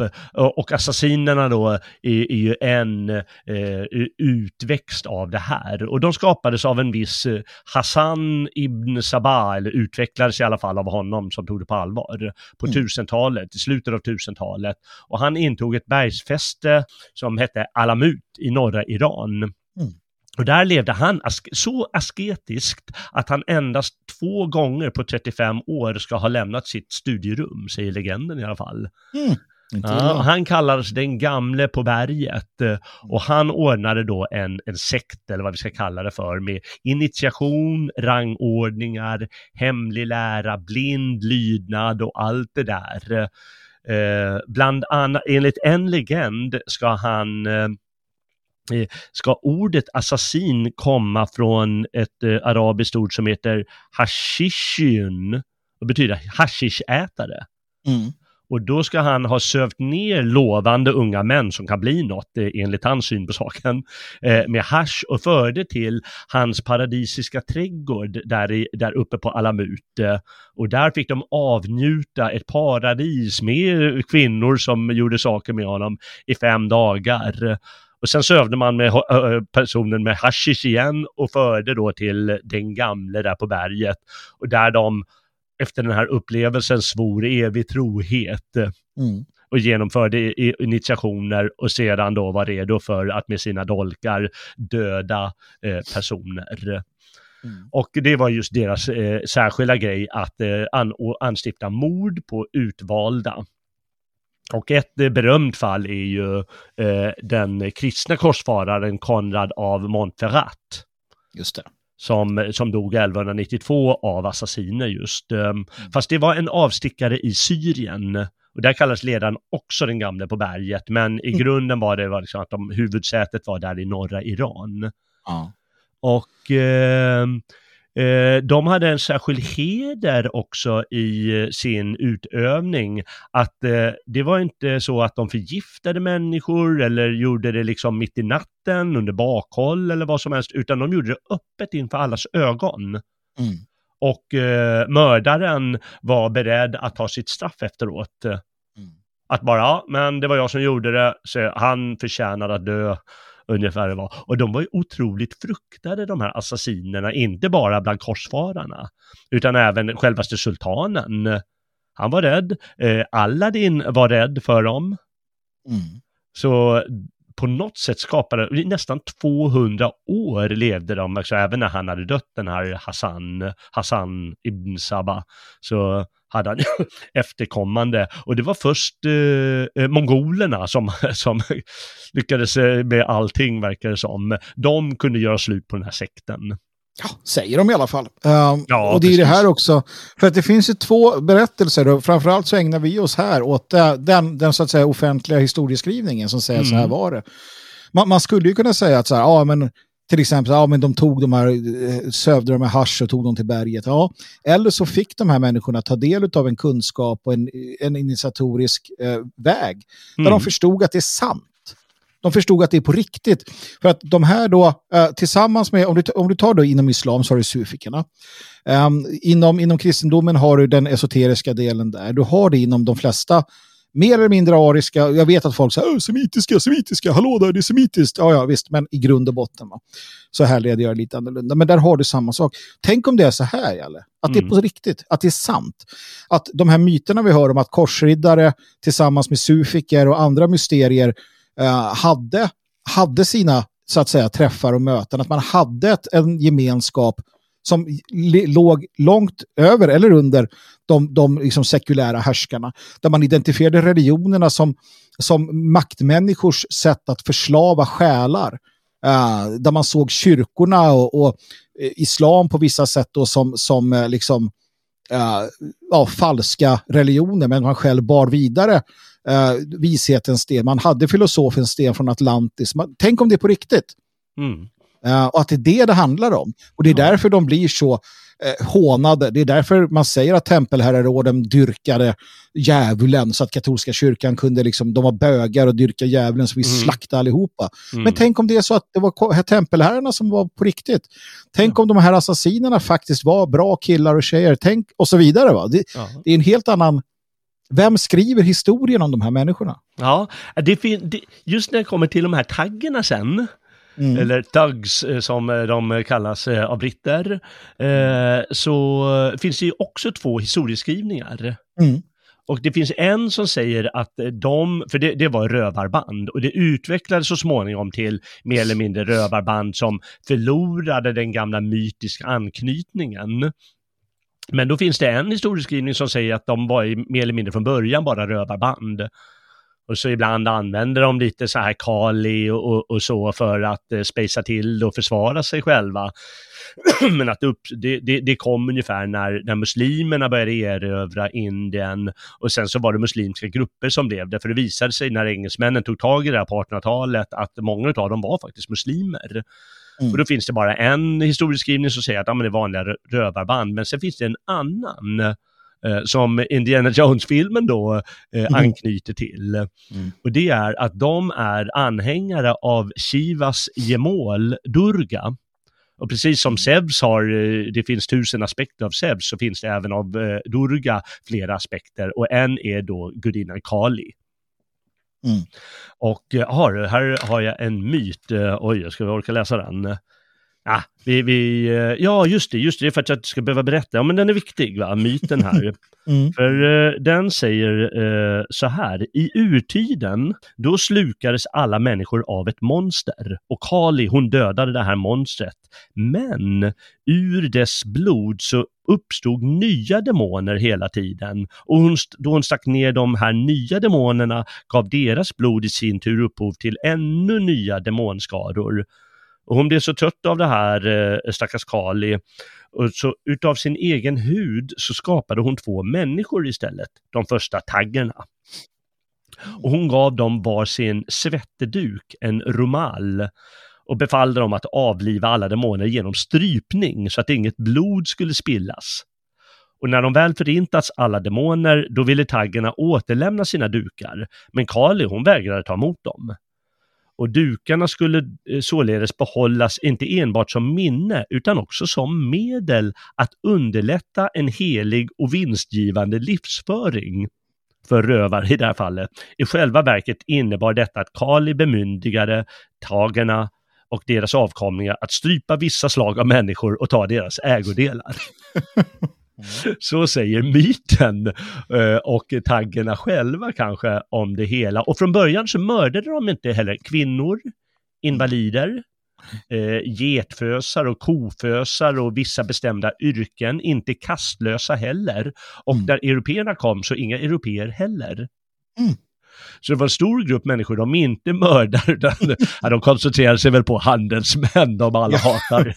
Nej, men det blir ju också så, ja, alltså man brukar kalla, om man, om man tar nästan vilken sammanslutning du vill, Mm. så finns det ett nobelt arv. Ja, om du tittar på, jag går tillbaka till Nordirland, och nu har vi i princip bara pratat om krigiska och mordiska och blodsbesudlade förbund. Det har ju inte varit särskilt mycket om de rent filosofiska, esoteriska fri, alltså fritänkande icke-våldsförbunden. Men Nej. så låt oss, låt oss fortsätta på det spåret då. Mm. Uh, idag så är väldigt många av de här uh, olika, både lojalisterna, alltså protestanter och katolska uh, paramilitära styrkorna, det, det, är gäng, det är knarklangning, det är beskyddarverksamhet, det är maffiaverksamhet. Mm. Mm. Så började det inte. det fanns ett nobelt arv när man var en, en paramilitär styrka som, som kämpade. Samma sak maffian som vi känner den idag, den, Cosa Nostra, mm. den börjar ju egentligen inte som ett brottssyndikat. Nej. Utan den börjar ju som ett sätt för familjerna och framförallt Sicilien att kunna då hävda sig mot, mot eh, en, en övermakt. Alltså ofta så är det så det börjar. Mm. Sen, sen blir det, med, med tuggarna eller liknande sådana här uh, så, som det, det, finns kanske någonting nobelt i grunden och sen slutar det med att det blir så, som det blir. Va? Exakt, och man behöver inte se det eh, eh, krigiskt, utan man kan se helt fredligt. Eh, mm. eh, den, den berömda persiska poeten, den största av dem alla, Hafiz, ja. han, var ju, han menar man var en del av sufierna. Mm. Man menar också att han är en del av en särskild hemlig grupp inom sufierna, mm. som eh, så att säga visade sig offentligt som låga varelser som syndade, som gick smutsigt klädda, som inte hade massa ägodelar och eh, som, som folk därmed kunde se ner på. Men i största hemlighet var de de frommaste av dem alla och tillbad Gud på alla tänkbara sätt. Mm. mm. fast helt hemligt så att ingen fick ta del av det. Mm. Så det behöver men... inte vara att alla, att de här som du säger, maffia eller vad som helst, att det är liksom eh, skurkgäng, utan det kan vara även inom en så liksom simpel grej som en uteliggare eller sånt kanske, han ser vi alla ner på. Men vem ja. vet, i hemlighet kanske han är den frommaste av oss alla. Ja, men ta, ta uh, en tradition, uh, en tradition inom de, de gnostiska, alltså hermetiska, västerländska då, mm. mysticismen, det är ju att du inte använder ditt eget namn. Nej, just det. När du skriver. Carl Jung har författat väldigt mycket som inte står under hans namn, till exempel. Jussi Vuola likaså. De har, mm. Det är för att de inte tar åt sig äran mm. för det som skrivs och för att det som skrivs står på egna ben, inte tack vare eller på grund av deras namn. Och lite grann samma sak här. Om vi tar ett annat exempel, eh, en herre som heter William Gailey Simpson skrev en bok som heter Which Way Western Man. Uh, han, en, en, ett, en, ett nationellt standardverk skulle jag våga säga, delvis. Han, han var under en lång tid av sitt liv en sån här fattig munk i slummen i, i USA-städer där han gick runt i munkkåpa och tofflor i princip. Mm. Uh, och, och liknande. Och, och ett, ett modernt exempel, han, han dog nyligen, jag vet inte om du läste om det, en, en, en jag kommer inte ihåg vad han hette, men han var sommarpratare uh, uh, i, i, på Sveriges Radio. Mm. Uh, känd, väldigt känd kille med, med då en sjukdom. men han, han, var, han var företagsledare och liknande. Sen drog han, sen drog han till, till Indien tror jag eller något. Och så var mm. han buddhistmunk i sju, åtta år. Ja. Um, innan han kom tillbaka det finns liksom människor som gör saker och ibland får vi veta det, ibland så får vi inte det. Nej, ja. nej precis. Men det är ju ja. något, som, det är något som lockar. Och det där, jag vet inte om du känner en lockelse, men jag gör det definitivt. Ja. Många gånger att så här, äh, inte, jag vet Jung pratar om att man vi, vi, vi, i vår ålder kan drabbas av den här individuationen ganska kraftigt. Att man, att man bara vill göra helt konstiga saker, förryckt nästan. Mm, mm. Uh, typ så här, jag ska dra till Indien och, och, praktisera yoga med en galen gubbe i tio år. uh, men jag kan känna sån här, att, eller så här, jag, jag, kan känna en dragning åt, åt den här typen av uh, saker tror jag, som, som man får uppfyllelse av inom olika initiatoriska ordnar och sånt. Det, ja. det känner man. Ja. Jag förstår det. Och det här med mysterieförbund har ju alltid varit en del av, eh, jag ska inte säga hur det är på alla andra håll i världen, men, men i, i Europa så har det alltid funnits starka delar av både de gamla religionerna och den nya religionen, kristendomen, så har det ju alltid mm. varit en viktig del. Mm. Ja, med idén om eh, det mystiska uppgåendet i Gud eller död och på nyttfödelse på eh, mer än bara den här, det som finns i Jesu berättelse, utan liksom någonting kraftigare som vi alla måste uppleva i oss.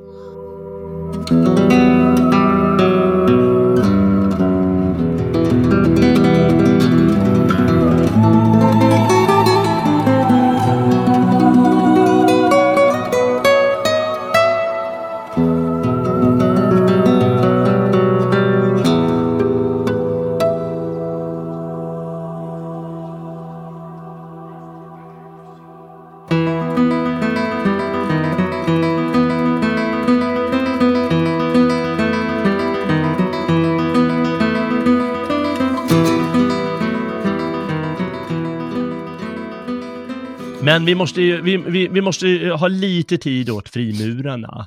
Mm. Som vi sa också. Och eh, det kom ju ur, eh, ur skråverksamheten egentligen. Och redan under antiken fanns det då gillen och skrån eh, som eh, inom vissa yrken och inom vissa familjer eh, som helt enkelt eh, ja, hade sin egen lite religiösa praktik hemma. Det var liksom väsensskild från de andra, utan det var liksom att, ja men jag får inte vara med på de medicinska museerna, så jag har väl lite mysterier hemma eller något sånt. Ja. Och under tidig medeltid då fanns det sådana här gillen också med hedniska förtecken som vi sa förut som motarbetades av Karl den store och så mm. vidare. Och det blev ju med tiden köpmannagillen. Mm. Uh, och då, då, hade, då blev de ju kristna uh, allt eftersom uh, människorna. Och de hade sina särskilda initiationsriter och då tänkte jag skulle bara läsa ur uh, Hansan här i, i Bergen och då är vi nästan på svensk mark. Mm. Och eh, där, ska vi se, vid en ceremoni på Kristi lekamens fest, eh, Det är torsdagen efter trefaldighetssöndagen. Då måste initianden dra en säck över huvudet och blotta stussen. I detta tillstånd fick han sedan rutscha i en, en borg eller ett paradis, då står det inom citationstecken och det är väl, eh, jag vet inte vad det kan vara.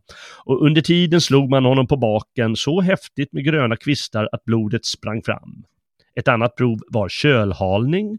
Initianden blev bunden vid en lina och tre gånger dragen genom vattnet under ett skepp. Där har vi lite din nedsänkning i kistan. Mm. Man måste lita på att de verkligen klarar och genomför mm. det här ordentligt, eh, mm. som att det dör. Och vid en tredje invigningsrit, som ibland där har slutat med dödlig utgång, hölls den blivande bergensiske hanseaten, hanseaten nedsänkt i en rykande skorsten till dess han på ett tillfredsställande sätt besvarat en rad frågor. Mm. Och eh, ja, så höll de på och det är liksom de använder gamla, gamla riter som har antagligen gått i arv i hundratals år, men de får det i det här nya sammanhanget. Och de mm. hade ju även speciella kläder, olika kännetecken som särskilda handslag och lite gamla traditioner av myter, dryckeslag, måltider, fraser och symboler. Och det, det fanns tydligen långt in på 1900-talet. Det var en tysk forskare som studerat eh, några tyska hantverkare och då liksom fanns alla riter där. Mm. Allting fanns på plats. Ja, men så är det ju. Så är ja. det ju. Och det, det är ju, ja, som sagt, det, det, det moderna frimureriet har ju hämtat hela sin symbolik egentligen från från de här alltså, murarskråna. Precis. Och, och, och, det, är inget, det är inget konstigt med det. Men det, återigen, det vi berättar här, det är ju den sekulära berättelsen om de här, eh, eh, liksom hur de här växer fram. Eh, mm. att det bara är en liksom, version av man plockar lite här och lite där. Det finns ju en, en, egen, en egen myt och tradition eh, där allt det här egentligen handlar om att du har då eh, initierade från de, de tidiga mysterieskolorna och sällskapen som har burit med sig en hemlig kunskap genom alla hundratals år, tusentals år till och med som har gått mm. Och som på olika sätt och vis har fört vidare detta och att det pågår än idag. Mm. Uh, och det är den andra, uh, och, vilket jag vågar hävda mer sanna berättelsen än den sekulära berättelsen om att Uh, och, och de, här, de, här in, de här initierade personerna de använder olika, olika uh, uttryckssätt. Alltså det kan vara då frimureriet till exempel med, med de, den här symboliken. Eller så kan det vara annat. Um, och de där är, de är verksamma. Det vågar mm. jag definitivt hävda. Jag skulle säga frimureriet är ju lite, lite konstigt i och med att det inte jag menar, de är murare eh, i grunden. Alltså det är traditionen från murarskrået givetvis. Ja. Eh, men innan vi säger något om det, vill jag bara tillägga att eh, de här skråna, det var ju förstås eh, föreningar, låt oss säga snickarföreningen. Mm. Ja, och, som, och deras kunskap var, eh, den var lite hemlig. Det vill säga man utbildas under ett antal år och lär sig hur man gör det här. Och, det, och dessutom försöker man ordna med monopol så att inte andra mm. eh, kommer, så att det inte blir marknads, marknadsekonomiska principer utan så att vi kan frodas. Mm. Och den här kunskapen som man lär sig, det är ju inte bara att ja, du ska ha sin särskilda klädsel och du ska använda de instrumenten och så vidare, utan det finns väl någonting heligt även i hantverkarkunskap.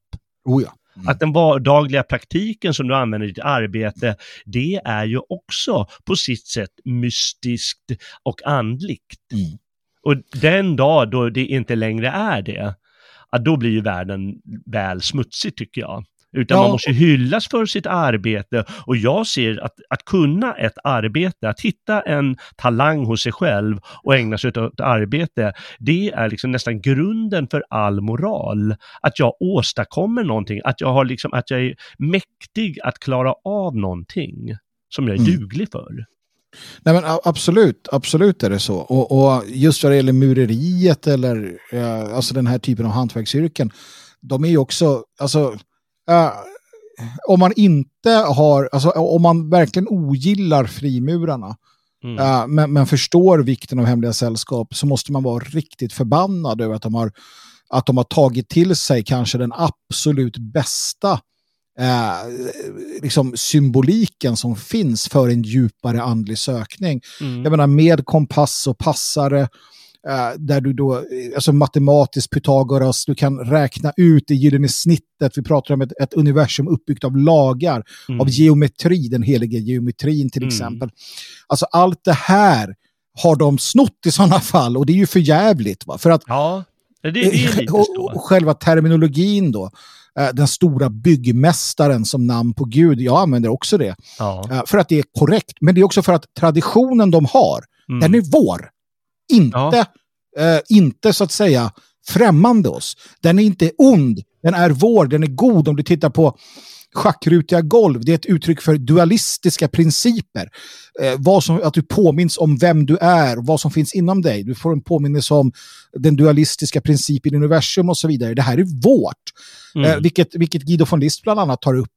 Eh, och som, som flera andra då utav alltså ariosofiker och liknande konstaterar. Så vad det handlar snarare om det är att, det är att The Craft, deras eh, alltså de har väldigt mycket av vår kunskap och vår symbolik som har börjat som används på, på fel sätt eller bara har liksom perverterats och missbrukats över tid. Där är problemet. Ja, snarare. Jag, jag, tror att från början, jag vet ju inte hur frimurarna funkar de senaste hundra åren, men, men från början kan man ju förstå principen, för det, det, det skapas, det, det moderna frimuriet säger de eh, skapades 1717. Och jag kan ju inte någonting om det här egentligen, jag bara läser, jag läser till det. Historia, då ett antal sådana här traditionella loger, som redan då hade förlorat det mesta av sin hantverkstradition, och yrkesbund, liksom bund, att de är bundna till ett särskilt yrke, nämligen eh, fria murare, inte de som var fast på ett särskilt ställe utan som kanske åkte runt och byggde kloster eller katedraler eller något liknande. Och hur de samlades då till en, en stor loge i London. Mm. Eh, men det här är ju under upplysningstiden. Mm. Och eh, en av upplysningens eh, credo är eh, att eh, naturen eh, har byggt världen på matematikens språk. Mm. Och där har du de geometriska principerna. Och en sån som Newton var ju frimurare givetvis. Och många andra sådana eh, upplysta eh, eller naturvetenskapsmän då bland de tidiga. Och då, då förstår vi, okej, okay, de använder som du säger de här symbolerna som har funnits eh, urminnes tid som murare och liknande har använt. Eh, fast mm. de ger dem en, en helt ny riktning när de har tappat det här liksom att jag är murare. Istället ja, ja, att sätta de helt andra principer som man kan tycka är spännande med religiös tolerans eller med att vi bygger världens hus som du sa och kallar Gud den eh, riktiga stormästaren. Men det finns också, säger du, en berättigad eh, kritik av dem? Ja, det gör det ju eftersom att Eh, eftersom att vi har en historia, och om man tittar på det så, så, så tror jag definitivt att det finns ett, ett och det här delar jag med väldigt många då, en, en, ett, ett ärovördigt arv, en, en, en i grunden bra idé. Man har stått emot såväl vidskepelse som tokstoller, eh, alltså förtryckande religiositet och liknande genom åren. Genom århundradena har man gjort i olika sällskap och hemliga, hemliga liksom ordnar och liknande. Men 1776 så grundas Illuminaten av mm. Adam Weishaupt. Och Adam Weishaupt, han, han ogillade den nuvarande ordningen. Han var, ja, vad ska man säga? Uh, det är mycket, mycket, mycket kaos och mycket samhällsomstörtande saker som rör sig i hans hjärna. Och det här är, det här är liksom någonstans, det är inget hittepå. Vi vet att Illuminaten grundas. Den bayerska säkerhetspolisen vid tiden lyckas Eh, Eh, jag tror att det är Bayern, ja, eh, lyckas fånga en, en eh, kurir från Illuminaterna.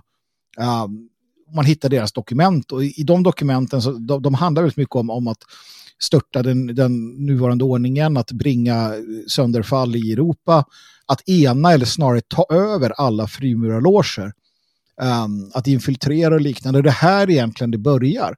Mm. Uh, som jag ser det, alltså, övertagandet av, av goda frimurarloger. Det är här som sedan med ariosoferna är ett, ett, en, en, en, en esoteriskt, ett esoteriskt motstånd gör man genom att grunda Armadenorden och sina egna uh, i Tyskland och det finns också i Sverige sådana. Uh, vi har alltså Götiska förbundet, vi har Karlbergarna, vi har i Finland eh, sammanslutningar, jag tror det heter Svarta gardet när vi kommer fram på 1900-talets början, av, av eh, kulturpersonligheter.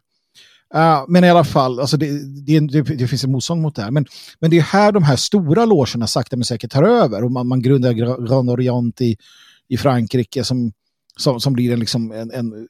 Och man börjar sakta men säkert ta över, pervertera, förändra, uh, använda liksom, traditionen för egen, egen makt istället för att bevara en kunskap. Uh, man förändrar riterna delvis. Till exempel i, i frimurartemplet så försvinner den, den nordliga positionen. Uh, nord blir att, att uh, och det här är intressant, nord blir att, mm. att ses som det svarta, det mörka, det läskiga, det farliga. Mm. när en sån, en sån stor person som pastor Bob Miles tar över i klanen i USA, som är en frimurarorganisation från början, då återinför han den nordliga positionen i, i frimurartemplet.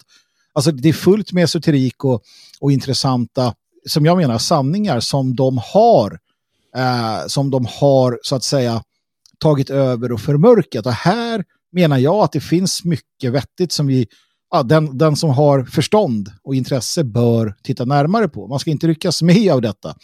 Men det finns, det är vårt, i grund och botten så är det vårt. Mm. Just det, och det har de, det har de kapat alltså, Illuminati. Ja, så det började där. Sen, sen ja. så upphörde Illuminati. De krossades av utav mm. de bayerska myndigheterna. Men mm, mm. idéerna, ja. det här alltså, eh, modernistiska, ja. Det finns idag. Och, och i frimureriet idag, om du går in i svenska frimurerorden, mm. så är inte det en ariosofisk, liksom, det är inte en plats för, för atlantisk, atlantidisk kunskap. Det är det inte. Nej. Utan det är en, ett maktinstrument på ett annat sätt. Um, Mm.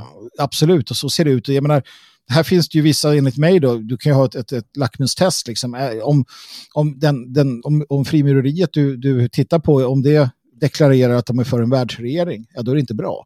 Nej, om de deklarerar eh, mm. principer mot, liksom, om de går emot tio Guds bud eller liksom eh, sådana saker som, som ligger till grund för den västerländska civilisationen, alltså folkblandning eller liknande, då är de inte bra. Va?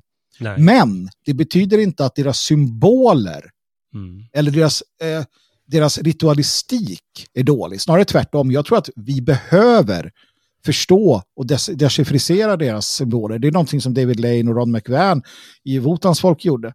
Och här kan man se, nu ska jag sticka ut haken, här kan man se hur både identitetskristendomen i USA och votanismen utan tvekan är en, ett resultat av en eh, alltså moderna då vita Eh, religioner, eh, mormonerna också, det är ett resultat av goda frimurare eller rosenkorsare eller de som är behäftigade av den filosofin som har försökt att skapa folkliga uttryck för en, en djup och, djupt liggande arisk eh, religiositet. Mormonerna, är, det vet vi, är grundare av frimurare. Så är det. Eh, och de var till, initialt väldigt bra för oss. Ja. Eh, kristen identitet i USA eh, har definitiva kopplingar till frimurare, det vet jag. Och samma sak så, så kan vi se samma sak inom det som är det Wotans folk eller den nya, den nya hedniska strömningarna som kom från David Lane med flera. Tydliga, mm. tydliga kopplingar filosofiskt sett till de här gamla ariska lärorna. Mm. Ja, det bär ju mycket spännande i sig som säger, men också eh, det som är farligt och liksom att bygga in i geometrins princip behöver ju inte vara det bästa, för då spelar det ingen roll om du är brun eller svart eller vit eller grön eller vad som helst, utan då är det ju bara människomaterial. Men så vill vi ju inte ha det. Nej, precis. Så det är här, som sagt, eh, ett, ett, en, en pistol är en pistol. Mm. Den som håller i pistolen avgör mm. uh, vad det blir av det. Mm. Uh, och samma sak med mycket av det här. Alltså, ritualer är ritualer de, de, de, de gör vissa saker med dig. Frågan är hur du använder dem, eller i det, det, det sammanhang du befinner dig. Um, man måste förstå dualismen, man måste förstå att det onda kan användas till det goda. Mm. Uh, eller att det, att det goda kan användas till det onda, inte tvärtom, där håller jag med Paulus.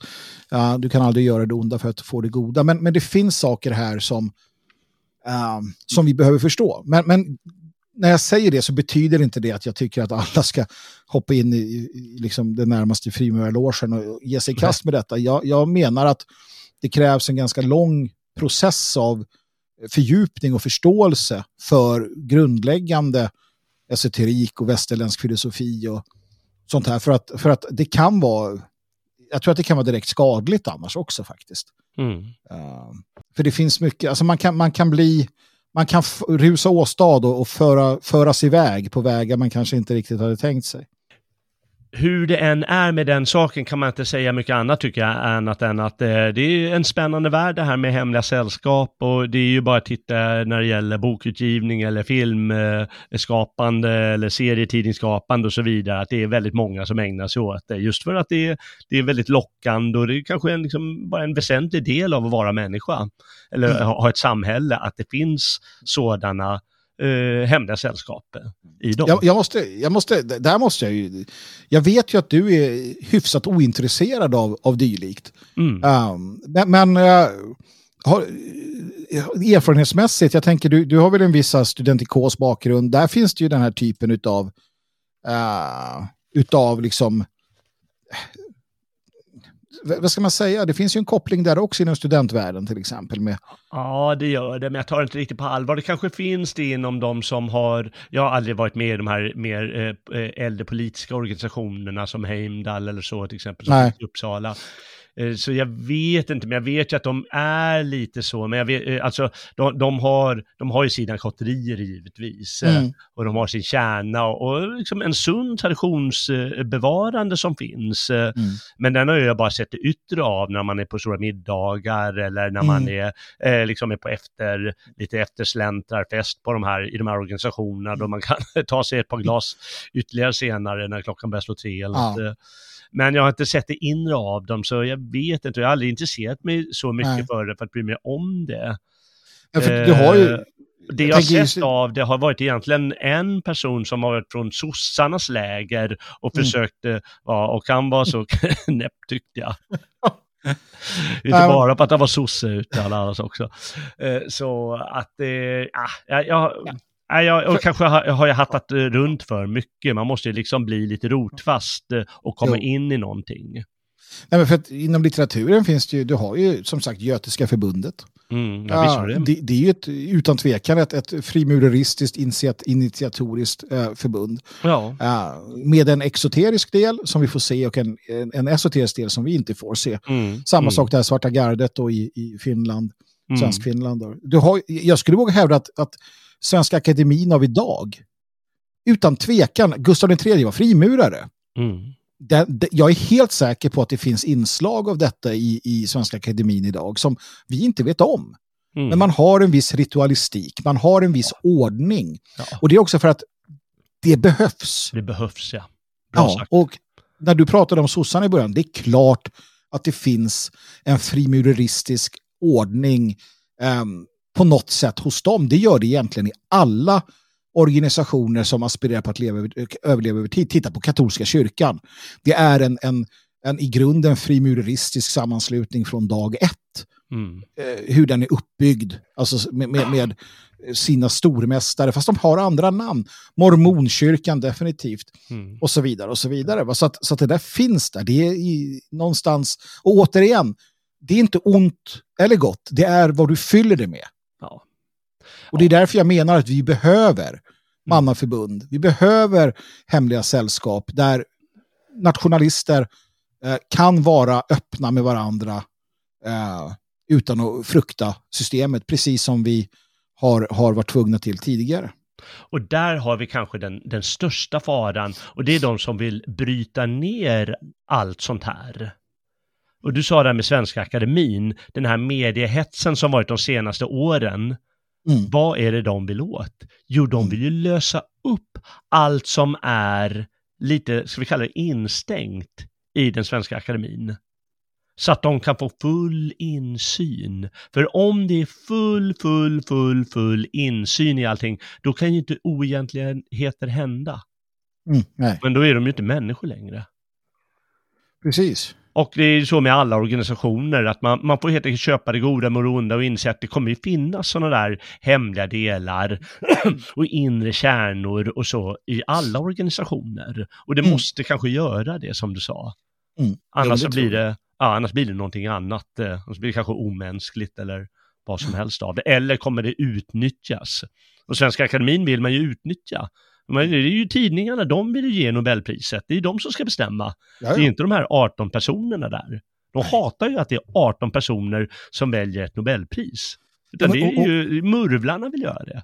Det är precis, och det är ett uttryck för den här egalitära eh, liksom, eh, tokeriet, att, att folket ska utse då den bästa litteraturen.